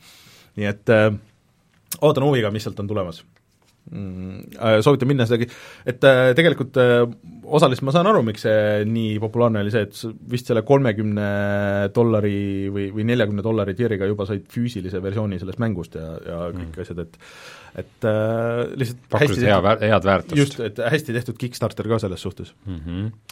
Aga Castlevania kolmas hooaeg tuleb märtsis, see on siis Netflixi animatsioon. ma lihtsalt tahtsin öelda, et kes ei ole seda teist hooaega vaadanud veel, nagu mina, eh, mida väga kiideti, pidi väga, mulle esimene hooaeg väga meeldis äh,, siis äh, praegu on veel natuke aega ja siis kolmas tuleb jah mis see täpne, täpne kuupäev oli, mm, viiendal märtsil ilmub Netflixi Äh, see on väga, väga hästi tehtud äh, animatsioon, et see on ikka väga verine ja, ja story on nagu päris äge, niisugune väga Castlevania. ma loodan mm. ikka, et Konami jõuab nagu selleni, et noh, nagu selle edu pealt, et kuna see on nii palju kiita saanud ja ja kuna nad nüüd tunduvad olema huvitatud mängude tegemisest, siis äh, et tuleb üks uus nagu korralik Castlevania mäng ka okei okay,, võib-olla ma isegi tšekin, sest mul oli Netflix äh,. Aga loodan, et kunagi saan ka tšekkida uut Silent Hilli filmi. jälle Konami mäng tegelikult äh,?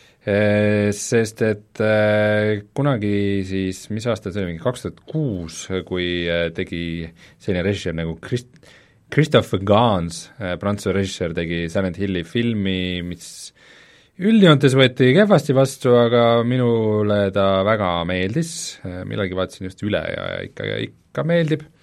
Äh, ja siis seesama Christopher Gans teeb äh, ka uut, sest vahepeal oli ju ka teine film yeah, äh, nimega Silent Hill Revelation, millest Christopher Gans kohe eemaldus nii kaugele kui vähegi võimalik. Ja see oli absoluutselt kohutav, see oli ikka nagu, ma arvan, et üks halvemaid filme, mis ma kunagi elus näinud olen. Tegelikult või? jaa, see oli ikka, see oli ikka niimoodi, et äh, vahepeal oli nagu stuudiosein näha ka, et ja, ja näitlejad, kes seal tegid, see Carrie-Anne Moss oli seal näiteks. Okay.. ja siis, äh, siis äh, see näitleja, kes mängis Jon Snow'd Game of Thrones'is. Ah., aga see Carrie-Anne Moss oli, oli, tegi seal kuidagi nii halva rolli, et nagu, et mis temaga juhtunud on, et kas tal on nagu vahepeal elus midagi väga halvasti läinud või et nagu ega ta peale Matrixit väga kuskil pole nagu väga ei ole, minu meelest tal olid mingid issue'd küll. et ikka tal oli ikka midagi halvasti, et ta sellises filmis oli nagu, et äh, Sean Bean oli seal ka ikkagi mingis rollis. Sean Bean oli esimeses selles, õiges Silent Hillis ka, vaata. Hmm.. ja siis ju, ju ta läks sinna Revelationsisse ja tegi dramaatilise surma äkki või ma ei mäletagi enam. no mõnes mõttes on see, et ega neid mängu põhjal tehtud filme, et enne nagu väga ei usu, kui äh, treiler väljas on, aga, aga arvestades, et äh, samad äh, tegijad otsapidi ja, ja see esimene film oli nagu enam-vähem edukas ja seda tüüpi filmid on vaata nagu teema on nagu viimasel ajal olnud ja, ja kuna Konami nagu tahab ikkagi neid uusi mänge vist teha kuuldavasti, nagu siin eelmine nädal rääkisime, siis no nad võiks lükata küll hoo sisse selle Silent Hilli, vot mind nagu huvitaks väga see, et keegi teeks niisugust äh, nagu kõrge budget'iga horror-mängu rohk-, peale siis Capcomi ja Resident Evil'i, noh mis ei ole ka nagu päris üks-ühele, aga aga oleks äge näha, et mis oleks niisugune high budget horror-mäng tänapäeval. et äh, noh, see Until Dawn ja, ja see seeria on, aga see ei ole ka nagu päris see, et ma just räägin sulle täna. ahah, ahah, vot, vot, väga hea. Mm -hmm aga Christopher Gans on minu meelest nagu visuaalselt ikkagi, ikkagi väga Mis pädev režissöör. Äh,, kunagi oli selline film äh, üheksakümnendate lõpus oli nagu Huntide vennaskond, Le Pacte de Loup äh,, mis oli ka Vist päris mälet. ägeda visulliga ja siis viimane film, mis ma talt nägin, oli Beauty and the Beast mitte siis see Disney versioon, vaid suht samal ajal, kui oli see Disney versioon, siis oli Prantsuse versioon oh,. ja see Prantsuse versioon nägi märksa parem ja märksa sinemaatilisem välja. vennaskonda vist olen näinud ikka. jah, ta oli, ütleme, maailma kõige ägedam treiler oli sellel, aga see, see päris film Dobermanni mees või? Äh, see näitleja oli küll, jah. sest see okay. Prantsuse näitleja on absoluutselt kõikides Prantsuse filmides okay., kelle nimi oli ma ei tea mis uh,, aga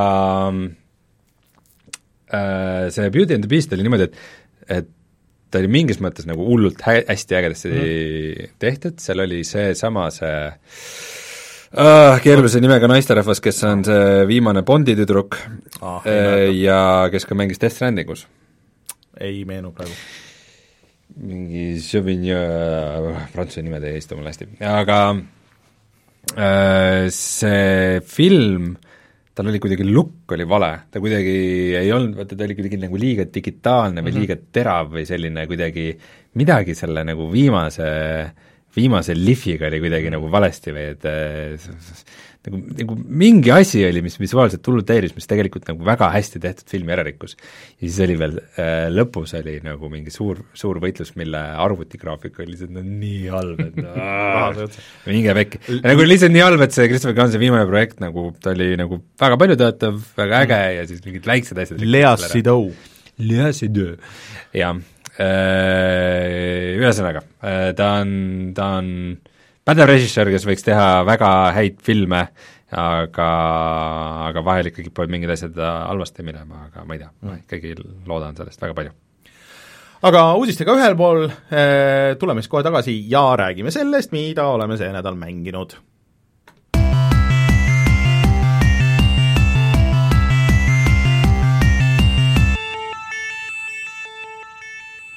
aa, ma sain Remnanti läbi. Aa, nii, räägi. jaa, Remnant from the Ashes äh,, eelmine kord ma kurtsin, et seal oli kohutavalt nõme lõpuboss. ja siis samal õhtul me sõbraga proovisime mingit teistsugust kombinatsiooni veidike mingitest nendest äh, weapon moodidest, mis on põhimõtteliselt nagu ultimate'id selles mängus. et see nagu, sul on nagu üks mm -hmm. mingi spetsvõime, mis sa laed okay. täis ja saad vahetada missioone ja relvadest mm, -hmm. siis sa välja võtta neid. ja üks kombo töötas niimoodi, et me tegime ko-, esimese korraga tegime kohe ära, ilgelt lihtne oli ja jah, ja siis hakkasime, mõtlesime, et et noh, et suht nõme oli ja see, see lõpuboss võttis igasuguse isu ära seda edasi mängida, aga et nagu huvi pärast nagu, kuna õht oli veel noor ma arvasin, meil läheb kauem, siis me tegime uue mängu kõige raskema raskusastmega, siis mm -hmm. Nightmare raskusastmega. ja see on päris raske ja meil tek-, tuli nagu huvi tagasi selle mängu vastu, et seal tegime mõnda bossi ja, ja põhimõtteliselt on see, et äh, kuna see mäng on iga kord erinev, Remnant from the Ashes on siis niisugune äh, Soulsi-laadne, Dark Soulsi-laadne tulistamismäng, äh, mida sa saad kuni kolmekesi koos mängida. video on ka üleval. video on ka üleval meil äh, YouTube'i kanalil äh,. Siis äh, nagu katsetasime veidi ja kohtusime mingeid uusi bosse, keda ma polnud näinud ja ilgelt rasked olid bossid, et alguses tundus, et ei teegi ära, aga siis tegime, siis olime rõõmsad ja äh, ikka on nagu veits mängida, aga, aga siis me ikkagi rohkem ei saa lõpubossidest rääkides, siis see Wolfenstein New Blood on Gamepassis nüüd, Youngblood, äh, ja ka arvutil, meenus praegu. arvutil kus kohas? Gamepassis aga räägi siis äh, uuest asjast. Äh,, äh Walking Deadi mängudel on nagu niisugune üles-alla ajalugu, et Telltale'i esimene hooaeg, äh, siiamaani paljude kõigi lemmikmäng üldse, on ju, ja siis iga hooajaga see entusiasm nagu lahtus järjest ja siis veel kogu see Telltale'i sulamine ja siis kõik see oli veel pluss siis mõned teised Walking Deadi mängud, mis on väga halvad ja veel mingid stuudiod põhja saatnud ja, ja ma, ma arvan, et keegi võiks isegi üles leida, kuidas, ma arvan, et see oli vähem kui kuu aega tagasi, kus keegi vist chatis ütles, et oo oh,, et mingi Walking Deadi uus mäng tuleb nagu mida? miks ja mi-, mi-, mispärast ja et on mingi VR-mäng, isegi kaks VR-mängu tehakse Walking Deadist praegu. mul oli üldse uudis, et äh, Walking Dead kui seriaal käib ikka veel et äh, see tundub niimoodi, et aastal kaks tuhat kakskümmend esiteks keegi ei taha enam mingit VR-zombimängu mm -hmm. ja veel vähem tahab keegi mingisugust Walking Deadi mängu mm. -hmm. ja, ja see, et, äh, et see tuli ja nagu tundub, et hmm, et võib-olla nagu üks parimaid VR-mänge üldse. See tuli ikkagi päris ootamatult äh, igalt poolt äh, kõigi jaoks, aga nüüd ähm, mis ma siis tegin, on see, et ma esimest korda vedasin omale mu Valve Indexi koju, ta on mul mhm. tavaliselt kontoris. ja ähm, kuna mul ei ole nagu head kohta selle jaoks, mul on põhimõtteliselt, mul laua, arvutilaud on nagu elutoa nurgas mm, -hmm Äh, ja mul ei ole neid majakaid kuhugi seina kruvitud või neid asju ei ole, siis põhimõtteliselt, mis see tähendab seda, et õhtul, kui ma olen nagu lapsed magama pannud, siis ma vean välja kaks suurt valgustatiivi, panen ühe toa ühte nurka, teise teise nurka, äh, stepslite juurde, äh, kruvin sinna otsa majakad, tõstan need kõrgele, panen stepslid seina ja siis toon välja peaseadme ja siis hakkan seda toa keskel hästi ettevaatlikult mängima, et mitte kogemata rusikaga telekat puruks lüüa. Et äh, see setup ei ole minu jaoks kõige mugavam, et kui ma muidu kodus mängisin äh, varem äh, rohkem selle Oculus Rift S-iga, siis selle ülessättimine on ikkagi märksa valutum mm, -hmm. kuigi sellega mängimine mitte, sest ma pidevalt lõin rusikaitega vastu kappi ikkagi ja lõin oma sõrmenukid puruks. kas lapsed ärkasid üles? Ei, naise käest sain hommikuti pragada, et miks ma kolistan nii palju. seina. ja mitte, mitte isegi ainult rusikatega, olen ka paar korda peaga ja peaseadmega löönud vastu seina või kappi. hirmus asi, et lastel on eluaegne traumad. mäletan, väiksena läksime magama ja siis hakkas mingi hull laamendamine, et ei tea, mis see isa tegi seal igatahes ähm, äh, Walking Dead Saints and Sinners on siis selle mängu täisnimi mm. ja see on põhimõtteliselt niisugune mm, mäng, kus sa kehastad siis ühte tegelaskuju nimega The Tourist, oled turist selles okay. maailmas äh, ja ta toimub kuskil äh, New Orleanis või Orleans. New Orleansis ja, või sellest inspireeritud kohas, või ta on iga, igatahes väga New Orleans näeb välja, ma ei mm -hmm. mäleta, kas seda nimeliselt on mainitud, et see oleks mm, -hmm. ega on ikka, minu meelest küll okay.. jaa, ikka päris New Orleans.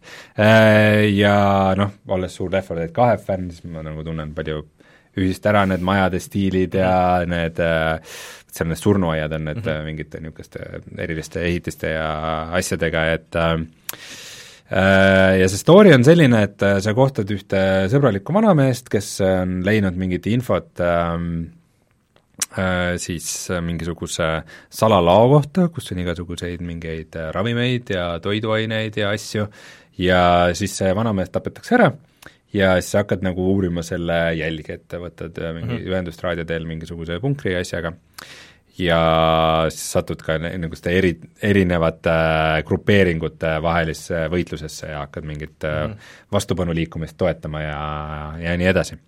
ja põhimõtteliselt siis äh, siis kõnnid ringi äh,, kogud väikset varustust, võitled zombidega äh,,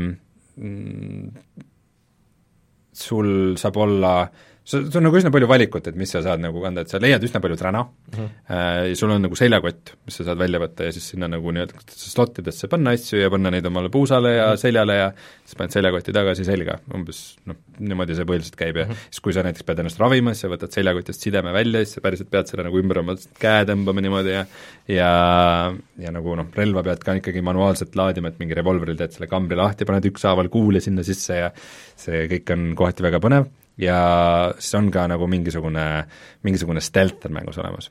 ja see stealth toimib natukene imelikult. see on põhimõtteliselt niimoodi, et kui sa kõnnid ringi, siis kui sa liigud üles või alla, nagu kas tõusid umbes kikivarvukile mm, -hmm. sirutad ennast välja või, või kükitad või midagi, siis kogu see maailma kõrgus liigub sinuga kaasa. Mis on nagu VR-is väga imelik see on, tundub nagu väga-väga veidrat disaini valik. mulle ajaks vist kohe nagu südame pahaks. ta ei aja südant pahaks, aga ta on lihtsalt imelik. et miks see peaks nii olema, no kui sa niisama nagu mängid ja nagu niimoodi natukene mm. liigud, siis sa ei, siis ei ole nagu midagi, aga just see, et kui sa umbes kükitad, siis sa ei, sa ei saa äh,. Aga kui sa vajutad nagu stealth nuppu mm, -hmm. siis sa põhimõtteliselt roomad maas, siis sa nagu nagu sa näed sellisest vaatenurgast, nagu sa roomaks maas mm. -hmm. ja siis sa nagu liigud vaiksemalt ja siis äh, aeglasemalt ja zombid ei märka sind nii, nii kiiresti. see on ju niisuguses mängus niisugune põhiasi, mida sa pead kogu aeg tegema äh,? Ma ei tea, ma seda stealth'i nagu seal nii palju ei kasuta, et äh, ma ei tea, see tundub alguses väga veider disainivalik, aga nagu põhimõtteliselt ega ta ei sega ka, sest et see tähendab seda, et kui ma tahan kuskilt see, kuna sa väga palju luudid mingisuguseid tühje maju ja asju ja sa tahad midagi alumistest sahtlitest mm -hmm. kontrollida, kas seal on või midagi, et sa ei pea nagu päriselt kõhuli maha viskama, sa vajutad nuppu, et mm -hmm. no tegelikult see on isegi natuke mugavam okay.. aga, aga veider. igatahes äh, sa saad siis ka hiilida ja kui need zombid ringi rändavad, siis sul on kaks mõõdikut, sul on elu ja sul on stamina, põhimõtteliselt sinu jaks mm. -hmm. ja siis, äh, kui sa näiteks jooksed, siis see jaks kulub mm, -hmm. äh, aga ka teatud asjade tegemisel, et näiteks kui zombi sind ründab, siis sa saad nagu vehkida ja ta eemale ajada mm, -hmm. äh, eemale lükata, aga see võtab sult natukene jaksu maha. ja zombide tapmise põhimõtteliselt sul ainus variant on ikkagi põhimõtteliselt äh, hävitada nende aju okay.. Mis tähendab seda, et äh, kui sa tulistad neid, sa tulistad neid pähe, aga sul kuuli on vähe, sa peamiselt alguses isegi vähemalt kasutad äh, ikkagi mingeid nugasid ja kruvikeerajaid, mis sa leiad ja mis lähevad ka katki. ja põhimõtteliselt see näeb välja niimoodi, et äh, zombi tuleb sinu juurde, sa ühe käega haarad tal peast kinni ja samal ajal, kui tema seal vehib ja rabeleb ja sul nagu sellal, kui sa hoiad kinni, su stamina läheb alla, sa pead saama tal pähe lüüa selle noa või kruvikeeraja ja nagu lükkama sügavale sinna pealuu sisse, et nagu ikka lükkama sisse ja, ja siis see on, see on nagu päris karm, see on niimoodi, et need hambad ja asjad nagu käivad ja siis, siis kui sa lükkad selle sinna, siis need silmad lähevad pahupidi niimoodi ja see, see on niisugune holy crap. kas, kas sa nüüd tead, mis tunne on tappa inimest ma tean, mis tunne on tappa zombit ja ma tean seda päris hästi ja noh, just see, et sa ei saa teda igavesti kinni hoida, et ta nagu rabeleb välja, vaata, et sul saab jõud otsa ja siis ja võhm on parem see võhm võib-olla tõesti, jah. et, äh, et see nagu annab sellist nagu intensiivsust kogu aeg sellele ja see ja see, ma eelmine kord veidi rääkisin sellest, et selle, et põhimõtteliselt see juhtimissüsteem on niisugune nii-öelda füüsikapõhine, et äh, kus kus, kui sa teed mingeid ebatavaliselt kiireid liigutusi ise, siis sul need nagu mängukäed ja relvad ei tule nagu nii kiiresti mm -hmm. kaasa, et neil on nagu mingi ikka niisugune oma raskus ja asi, et vaat nüüd Skyrimis on see, et sul on mingi, vaata kahe käe kirve kätte teed, et, et päris seda ei saa nagu, niisugust helikopterit sa ei saa ikkagi teha, et okay. nagu et kui sa nagu lööd, siis see nagu väikse, väikse nagu läägiga isegi tuleb sul järele, et see kõlab imelikult, aga see tegelikult, see tunne no,, see tunnetus on nagu ikka palju õigem ja raskem. no see on ikka, isegi kui sa ei mängi VR-is või noh, nagu nende motion pultidega, et et see asjade raskus nagu, et see on päris oluline ka vaata selles, et kuidas see mm. nagu maailm nagu tundub nagu, et, et et ma arvan, et see dissonants selle vahel on, võib-olla korvab selle mängitavuse või noh, nagu selles mõttes, või, või vastupidi, tähendab, et see mängitavus nagu selle okay, see, aga, see toimib hästi, mul aga kuidas see jama nagu... on küll nagu sellega, et see Valve Indexi pultidel vaata peaks olema point see, et kui sa hoiad kinni nagu mm, -hmm. et siis sa juba võtad asju. aga see on põhimõtteliselt niimoodi, et kui ma midagi võtan, ma ei tea, kas see on mingi bugi või, või mingi asi, ma ei ole selle kohta foorumitest uurinud ka, on niimoodi, et sa ikkagi pead vajutama, nagu et mingi asi mhm. sulle mm -hmm. nagu registreeruks kätte mm. -hmm aga võib-olla nagu selle mängu kontekstis see on nagu loogilisem või võib-olla kui, kui paljudele platvormidele nagu korraga arendada mm. erinevatele kontrollerile, siis see on ikkagi nagu loogilisem viis okay.. mis, mis nagu mingis mõttes on okei okay,, sest ma vihkan seda, kui ma pillan asju maha nagu nende pultidega nagu, et kõnnin nagu automaat käes ja oih, vahepeal läks haare lõdvaks, et ma nüüd võtan maast üles. aga kuidas sul, kui pikk see umbes on, tead sa ka? Äh, ta on ikkagi pikk selles mõttes, et äh, ta ei ole nagu niisama, et kahlad läbi. experience nagu ei, ei, ei, kaugel sellest, äh, ta vist maksis mingi kolmkümmend, nelikümmend euri. no VR-mängu kohta isegi hästi. jah, aga põhimõtteliselt on niimoodi, et üsna mängu siis alguse poole sa leiad ühe niisuguse mahajäetud bussi surnuaias mm. -hmm. ja see vana buss on põhimõtteliselt sul baasiks mm. -hmm. et äh, sa Äh, seal on sul erinevad lauad, kus sa saad craft ida mm -hmm. ja sa järjest nagu, sa pead nagu ikkagi igast träna koguma mingeid metalli mingeid jubinaid nagu, et sa tuled baasi tagasi, sul on seljakott täis ja siis sa kõik äh, nagu asjad lased nagu recycle bin'i seal ja siis mm -hmm. need lähevad komponentideks laiali mm. -hmm. ja sul on vaja mingeid polte ja metalle ja puitu ja liimi ja nagu igast mm -hmm. träna ja siis läbi selle sa saad äh,, sul on nagu kolm erinevat niisugust lauda, mida sa arendad, üks on äh, üks on niisugused nagu mingid üldised asjad, üks on tulirelvad ja üks on lähivõitlusrelvad hmm,. see kõlab nagu see äh, mis see nüüd oli siis see Fallout nelja meenutab mulle ei, äh, selles äh, noh, see kosmoses äh, ütle nüüd äh, ka min-, selle vana mängu uus versioon, kus, mis ei olnud kaks, aga kos-, kosmosejaamas äh, mina mängisin ja Martin mängis.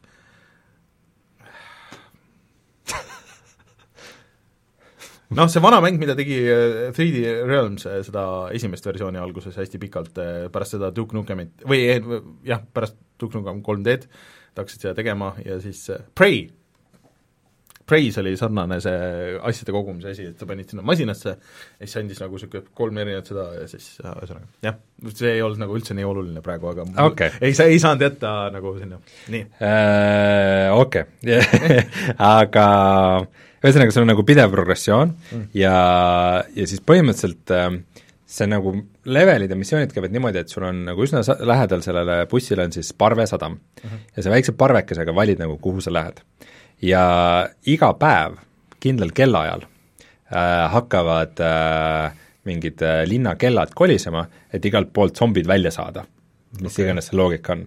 aga mis sinu jaoks tähendab, on see, et sul on kell selle järgi sätitud, et kui see aeg kohale jõuab, siis sa ei taha seal tänavatel enam olla et äh, siis on seal väga-väga paljusid zombisid okay.. ja esimene kord ma läksin nagu missioonile, rahulikult lõõtasin, värki, sain mingi, mingi missiooni, et keegi palus, et oo oh,, et tapa mu abikaasa ära, et ma ise ei suutnud ja too mingi mm -hmm. abielusõrmus, muidugi et äh, siis äh, läksin, seal tegin missiooni, avastasin, seal nagu luuti on ikka jube palju igal pool mm, -hmm. et mhm. nagu majades seal otsid kapid läbi, leiad mingisuguseid teipe ja, ja mm, nagu mingid karastusjooki asju, et mitte ainult nagu ehitusmaterjalid ei ole need, mis sa tagasi baasi viid, vaid ka toiduained mm. -hmm. et umbes, et sa kogud kokku mingeid limpse ja konserve ja asju mm -hmm. ja siis, siis äh, pärast teed neist mingi pajas umbes mingisuguse korraliku roa, et muidu kui sa, sa võid mingit niisama konservi ka süüa, aga see teeb sind haigeks. ja siis sa pead ravimeid sööma mm. -hmm. et need, äh, mis sa ikkagi niisama leiad, need, need toidud on ikkagi nagu pahaks läinud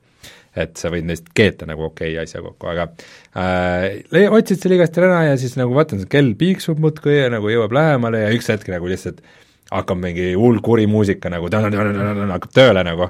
Ja siis ma põgenesin ruttu kuhugi pööni-, pööningule nagu kappi, leidsin mingi ühe kuuliga pumppüssi sealt ka, siis nagu ootasin sellega seal, siis ootan ilgelt kaua aega, midagi ei juhtu, aga muusika ikka käib, siis mõtlesin, okei okay,, ma pean lõpuks ikkagi sinna nagu sadamasse jõudma ja siit nagu koju tagasi ka minema, eks. Mm ja siis ma avastasin, et see tänav on ikka paksult zombisid täis ja ja mm, siis ma läksin, alguses ma meelitasin neid seal ükshaaval kuhugi aeda sisse ja sealt noaga võtsin maha ja siis ükskord vaatasin, et okei okay,, et nii ikka ei jõua kuhugi ja siis põhimõtteliselt läksin tänavale niimoodi ühes käes, ühes käes revolver, teises käes nuga niimoodi.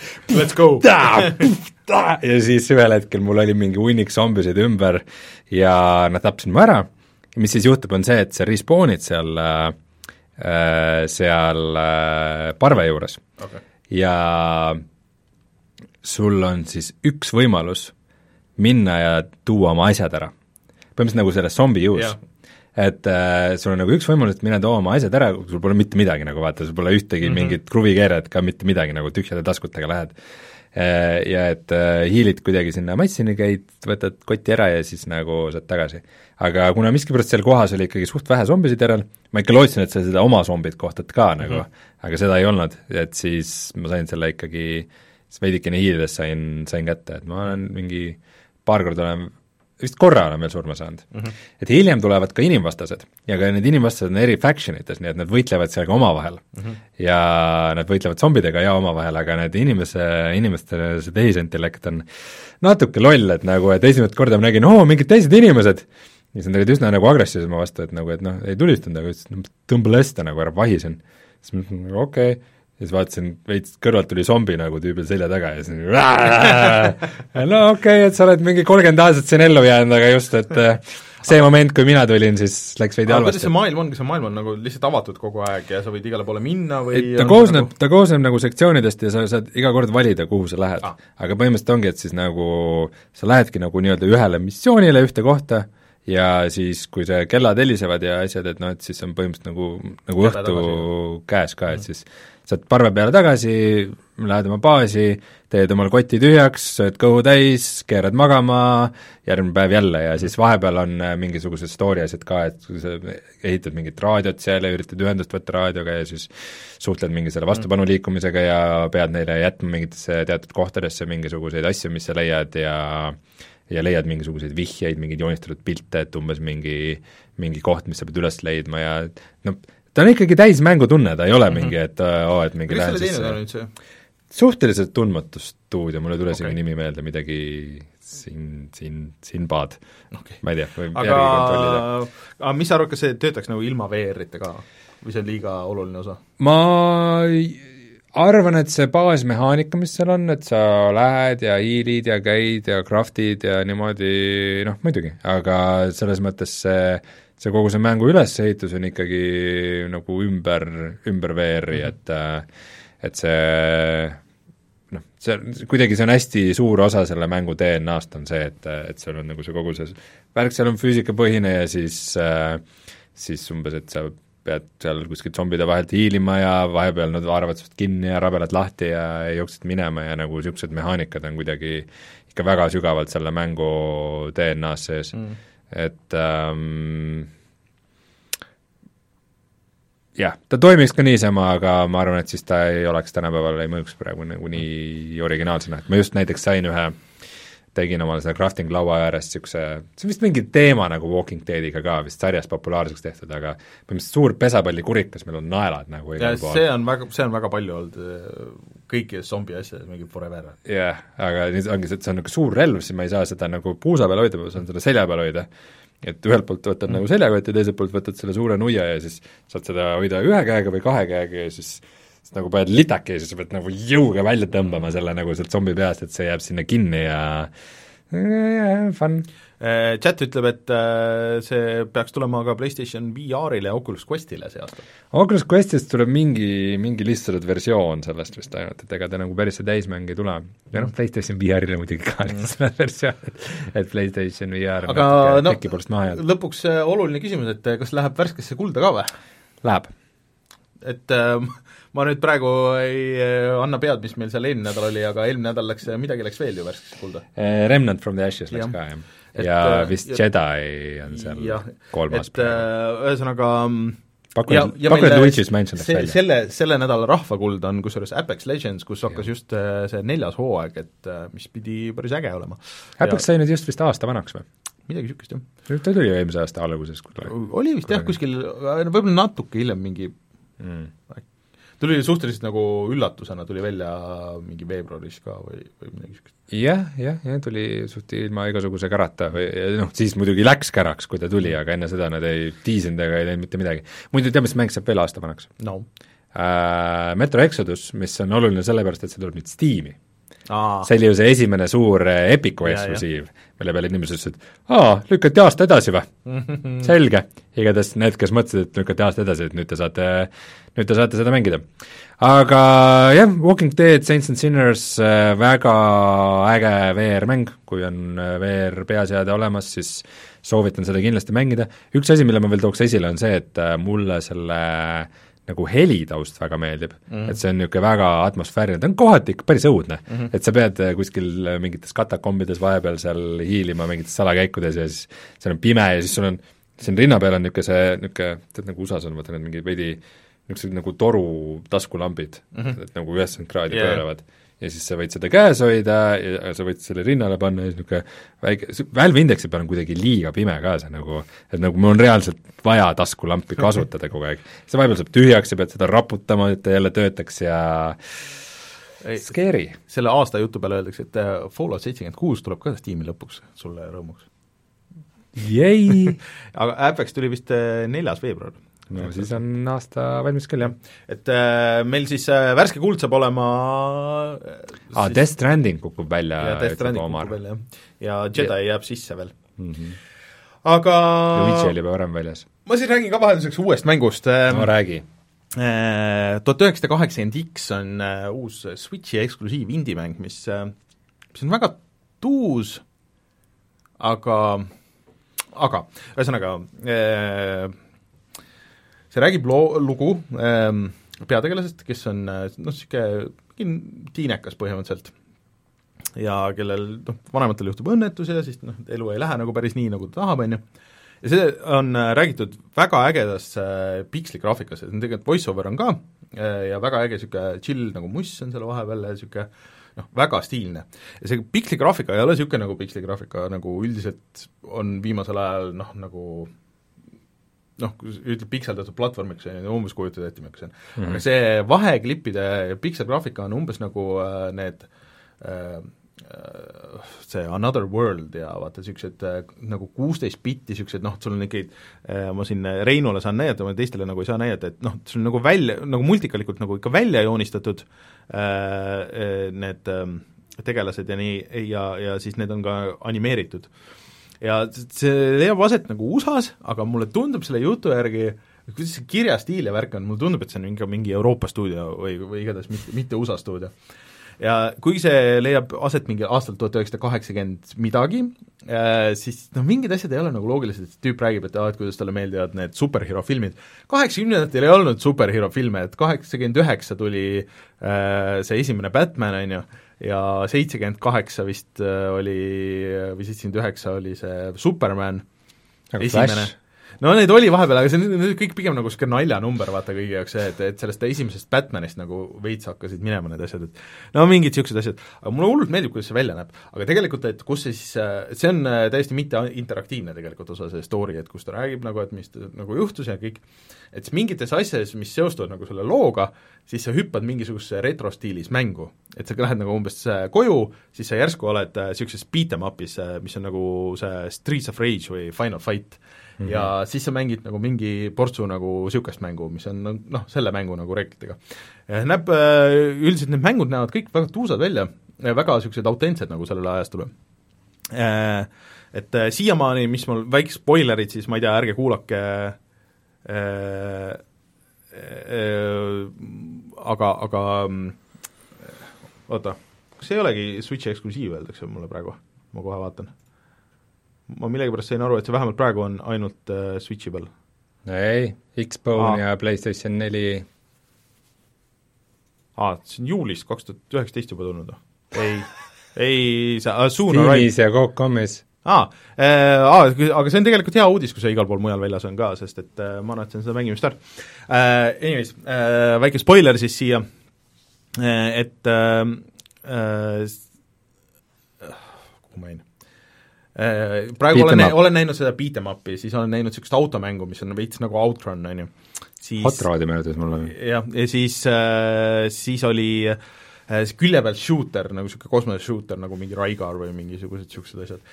ja siis koosneb siis retro minimängudest? retro minime-, aga need on päris pikad ja see on mingi niisugune slasher, mis on veits nagu Ninja Gaiden või midagi niisugust.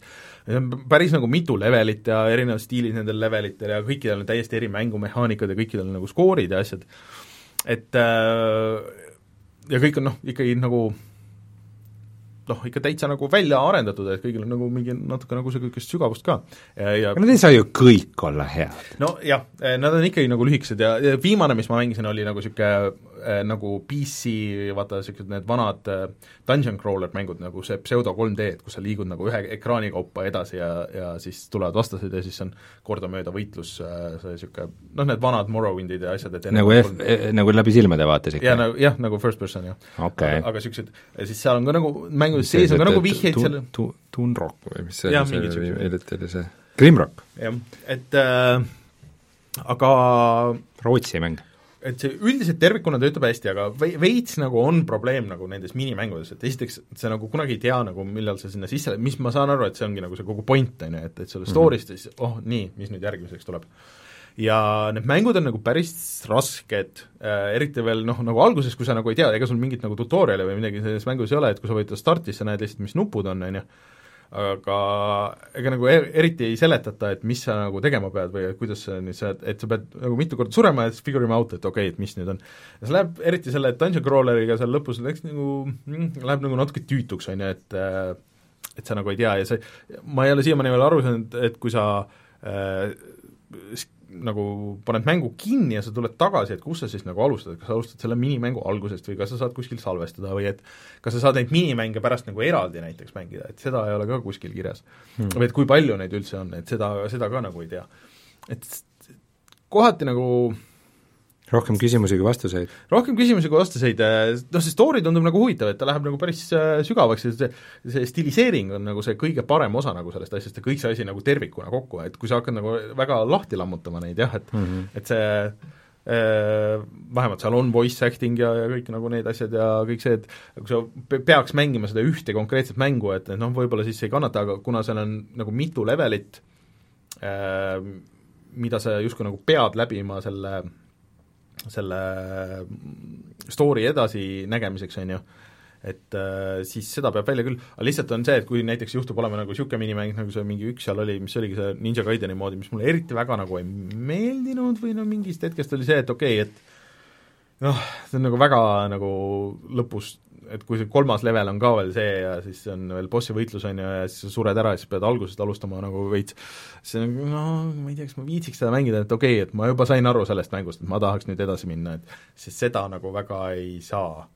et äh, aga see on väga huvitav, ma tahaks sellest kindlasti video teha ja, ja ma arvan, et see on kindlasti proovimist väärt, see ei olnud väga kallis ka, see oli mingi äh, kas ta oli äkki viisteist eurot või isegi kümme eurot või midagi niisugust mm, -hmm. et äh, juba selle muusika ja selle, selle atmosfääri pärast see on nagu niisugune väga chill, et see on nagu niisuguse hoopis teise vibe'iga kui nagu muidu mängud, et et nende teiste asjade vahele, mida ma viimasel ajal mänginud olen, et siis, siis see sobis hästi. mulle tundub, et äh, see on miski, mis mulle võiks isegi sobida, et see on veits nagu, et tahaks midagi, mängida midagi niisugust vanakoolikat, aga mitte päriselt neid vanu mänge. jah, jah, võib-olla, võib-olla seda küll.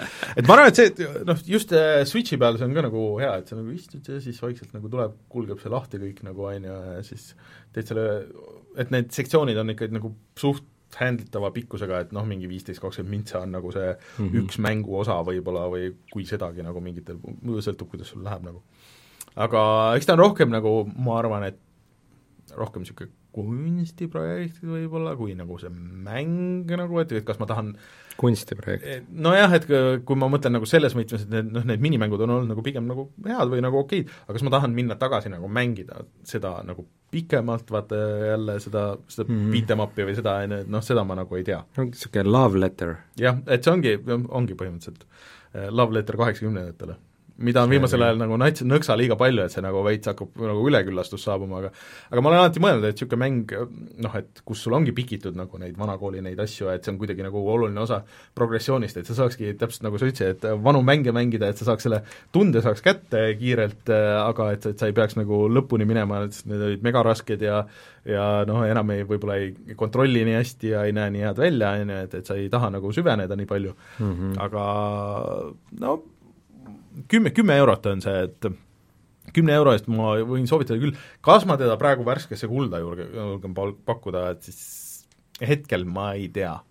et see ei ole nagu kõigi jaoks ka, et sul peab olema ikka see nende retromängude niisugune nostalgia nagu sees või noh, nagu kogu selle stiili ja selle värgi. mõeldes retromängude peale, sa ikka pead, peaksid millalgi proovima seda VR-mängu nimega Pixel Ripped. nii? ma olen kindlasti rääkinud sellest ka, aga see, kus sa öö, mängid VR-is last, kes äh, üritab koolis mingit vana seda elektronmängu mängida okay. ja samal ajal äh, varjata õpetaja eest, et sa seda mängid ma vist olen näinud seda treilerit, ma meenub praegu. jah, mul, äh, mul Brasiilia sõber on selle produtsent, et Brasiilia mäng vist. nii, aga uued mängud selleks nädalaks mängitud, tuleme kohe tagasi ja siis vastame natuke selle neljasajanda saate puhul Instagrami tulnud küsijatele, või küsimustele no, vastame. päris palju. nii, tuleme kohe tagasi ja siis vastame.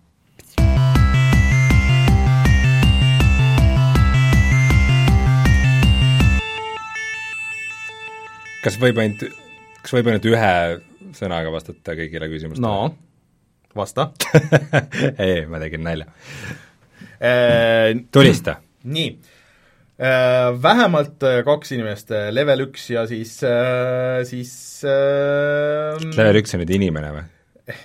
jah, ja siis oota, ma vaatan, kus siin, kus siin veel oli, keegi veel, ahah, Kõrre Mahl on küsinud, et millal tuleb uus GTA heist?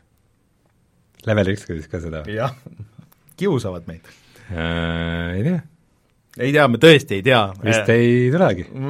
pigem ka kahtlustan, et pigem ei tule. vaadake meie Red Dead Redemption kahe viimast videot, see on ka veidi heist, tegime seda koos Joosepiga. Joosepiga koos me järgmine nädal mängu väljas mm. -hmm.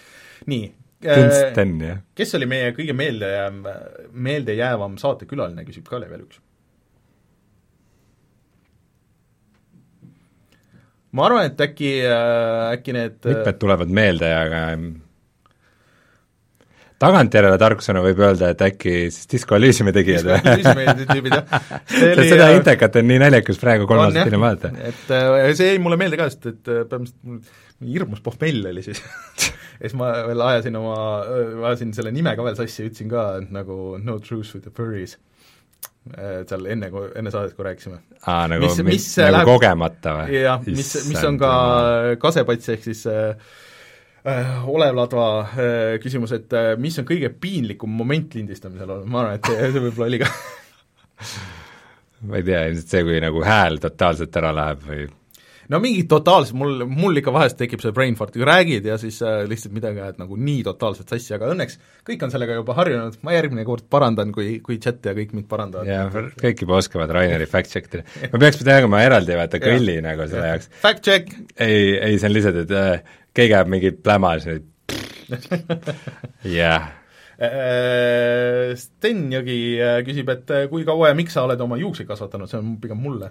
ei, mul on ka praegu ikka, ma pole ikka tükk aega jõudnud juuksurisse, okei okay,, see on hea sinu küsimus. ei, ei sa võid vastata küll muidu, aga mul tegelikult pikad juuksed on olnud enam-vähem niimoodi no sellest ajast saati, kui ma olin äkki kaheksateist, üheksateist, ma ikka nagu päris, ei Äh, just leidsin mingid vanad pildid, oota, tegelikult see oli kaks tuhat neli, kui mul viimati siis olid lühikesed juuksed ja siis äh, keegi küsis veel ka, et äh, kui kaua mul habe on olnud, et kas habe on vanem kui mõni, mõni vaataja, mis on, mis on tõsi, sest et et habe on olnud mul sellest ajast saati, kui ma olin kuusteist, mis tähendab seda, et see on kakskümmend aastat olnud ja mul vahepeal küll äh, ei, suurem osa ajast tähendab, ei olnud vuntsi, mis nüüd on eriti veider vaadata, aga äh, põhimõtteliselt äh, äh, oota, vuntsi ma kasvatasin vist ka mingi kaks tuhat kuus äkki või kaks tuhat viis või midagi niisugust, et umbes niisugune habe mul on olnud sellest ajast saati millalgi kuskil YouTube'is ma nägin mingit su teismelisena tehtud mm -hmm. videot ja nagu reaalselt ei tunne ära nagu sa oled kuidagi ikka nagu no täiesti teist ma arvan, et kui ma praegu ajaks habeme ära ja juuksed lühikesed, mitte keegi ei tunneks mind täna ära see ikka midagi on nagu totaalselt teistmoodi mm. -hmm. muide minul on olnud millalgi pikad juuksed. jaa, vot seda ma ei kujuta ka ette nagu väga hästi. Tead, me peakski millalgi tegema komboposti, et äh, kus pane kokku, kas, kas Martinil oli ka millalgi mingid pikad juuksed? Martinil oli ka pikad, ka mingi rõve länger, jah? ja et pilt, kuidas minul ja Martinil on pikad juuksed ja Mul sinul, no sa oled suht, suht laps siis, aga me peaks mingi kombopildi panema, paneme to-do listi. Äh, mis mäng oli, äh, Mikolas kolm kaks viis küsib, et mis mäng oli meie lemmik ja mis oli kaks tuhat üheksateist aasta parim mäng, see on kõik olemas saates. Äh, meil on aastalõpusaade, selle aasta esimene saade, seal me arutame aast-, kaks tuhat üheksateist aasta parimad saated, meil on kõigil on väljas seal.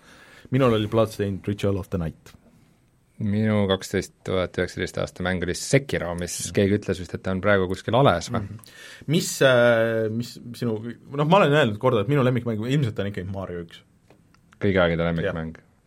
no võib-olla kui ma mõtleks, siis ta oleks midagi muud, aga esimese pauguna ma paneksin äh, selle va- mm, Diablo kahe. Mm.. Äh, Mihkel Paisu küsib, mida arvame äh, Hearts of Iron neljast, ma ei oska midagi arvata sellest.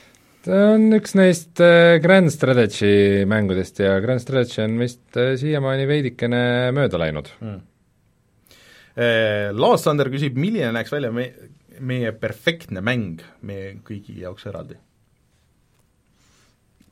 mm,? Püsiva maailmaga MMO äh,, kus, kus on nii survival kui crafting ja multiplayer äh, ja ja asjad, mis sa seal teed, äh, need jäävad sinna igaveseks, kuni keegi, keegi lammutab ära või midagi sellist. Et selline, selline tohutu määratu MMO, kus kõik aspektid toimuvad fantastiliselt. ja põhimõtteliselt sa saad seda mängida üksi ja olla erak kuskil mägedes ja mitte kunagi kedagi näha. ma arvan, et minu jaoks see peaks olema niisugune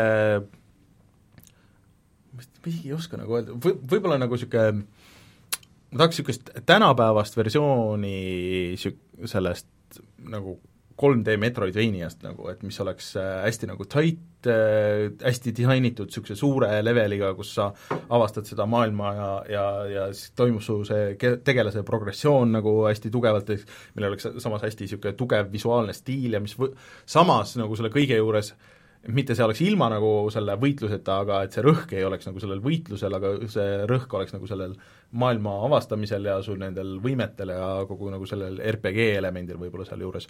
Ehm, ja et lihtsalt see, see peaks olema selline mängit-, mängu ja mängitavuse tunnetus peaks olema nagu see täpselt õige, et kuidas sa hüppad ja kuidas sa tulistad ja, ja kõik nagu need asjad ja kuidas sa oma võimeid ja asju kasutad. Mm.. ma arvan, et see oleks minu see ideaalne see. Ja mis võib-olla nagu kuskil switch'iks ennast nagu, et, et aa, et oleks mingid ootamatud, aa, et nüüd sa mängid seda hoopis nagu niimoodi ja nüüd sa mängid seda niimoodi ja kus oleks nagu niisuguseid asju. Mm. -hmm. ja see oleks kindlasti üksikmäng ja mitte väga pikk. Ja Battle Royale. Ja Battle Royale. Nii, chatist oli ka küsimus, et äh, millal tuleb äh, MMORPG VR-mäng, äh, neid on juba olemas, Orbus on üks, üks tuntumaid, kus on veel see nüanss, et loitse sa pead niimoodi tegema, et sa päriselt joonistad mingi sümboli mm -hmm. nagu õhku ja siis lendab sealt fireball mm -hmm. välja või mingeid niisuguseid asju. aga on... jah, ta jah, on olemas, aga mitte võib-olla maailma kõige edukam. Emil Kuldsaar küsib, et mis on meie guilty pleasure mängud no muidugi minu selle kirjelduse peale äh,, ideaalse mängu kirjelduse peale öeldi, et Rein kirjeldas päris elu Fair enough nii, aga guilty pleasure mängud? Guilty pleasure?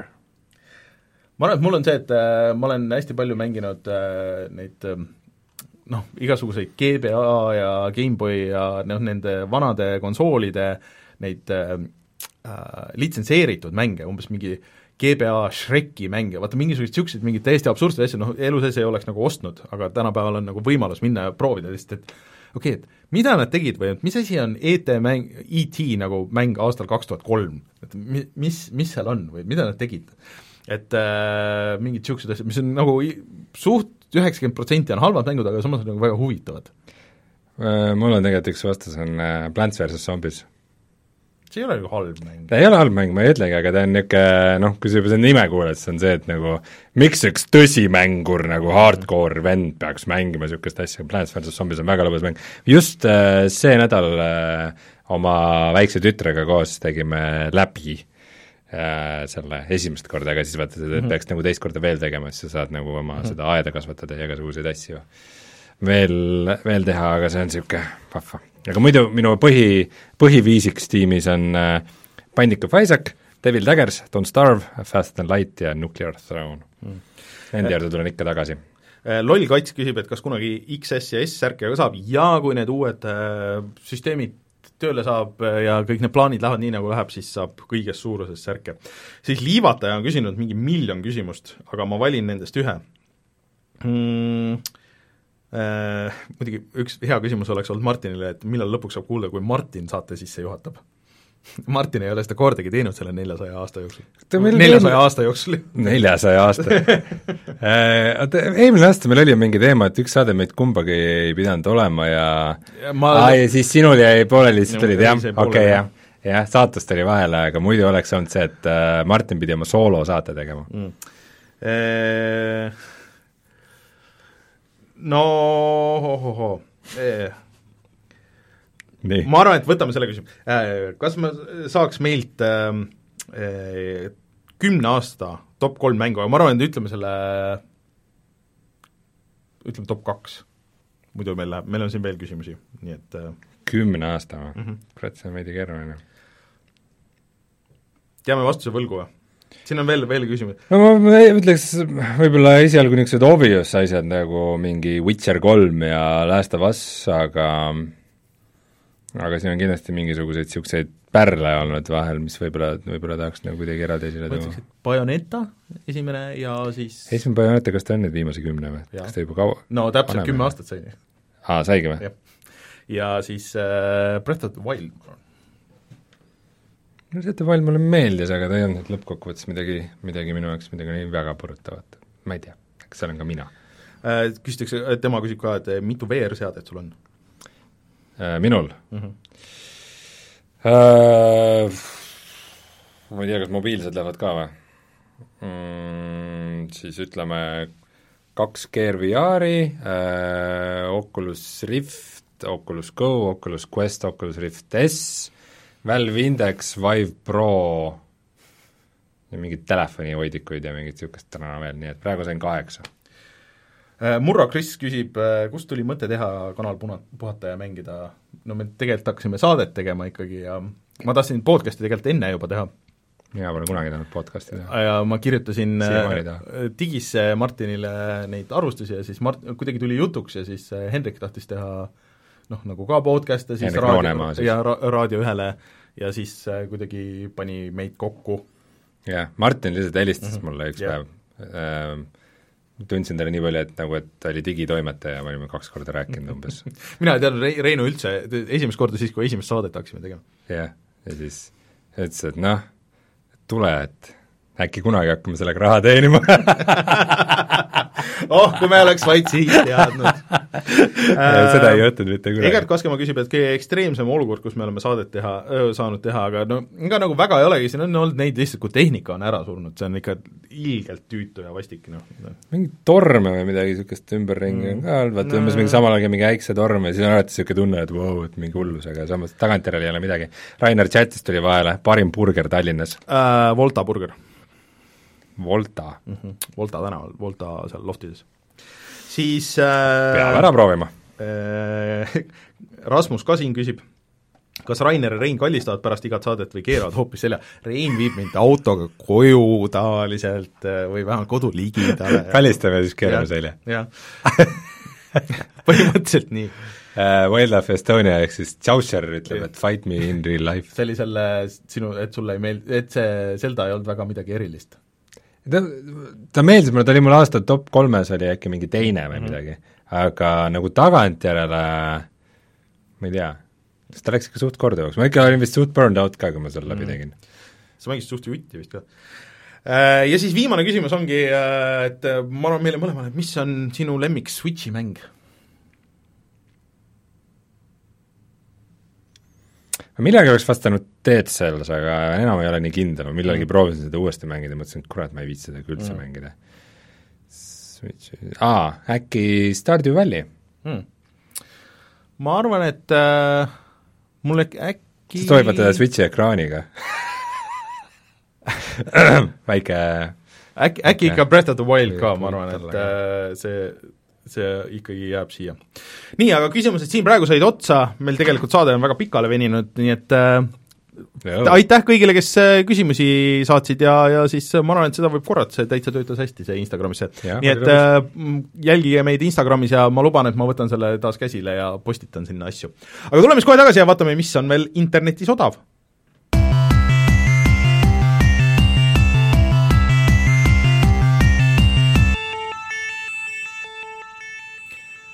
niisiis äh, ma ei tea, enne saate algust vist rääkisime, et äh, Epic äh, Game Store'is äh, tänasest on siis need ähm, kaks, pidi alguses olema kolm väga head lauamängu tasuta siis arvutiversioonid, ehk siis Ticket to Ride ja Carcassonne.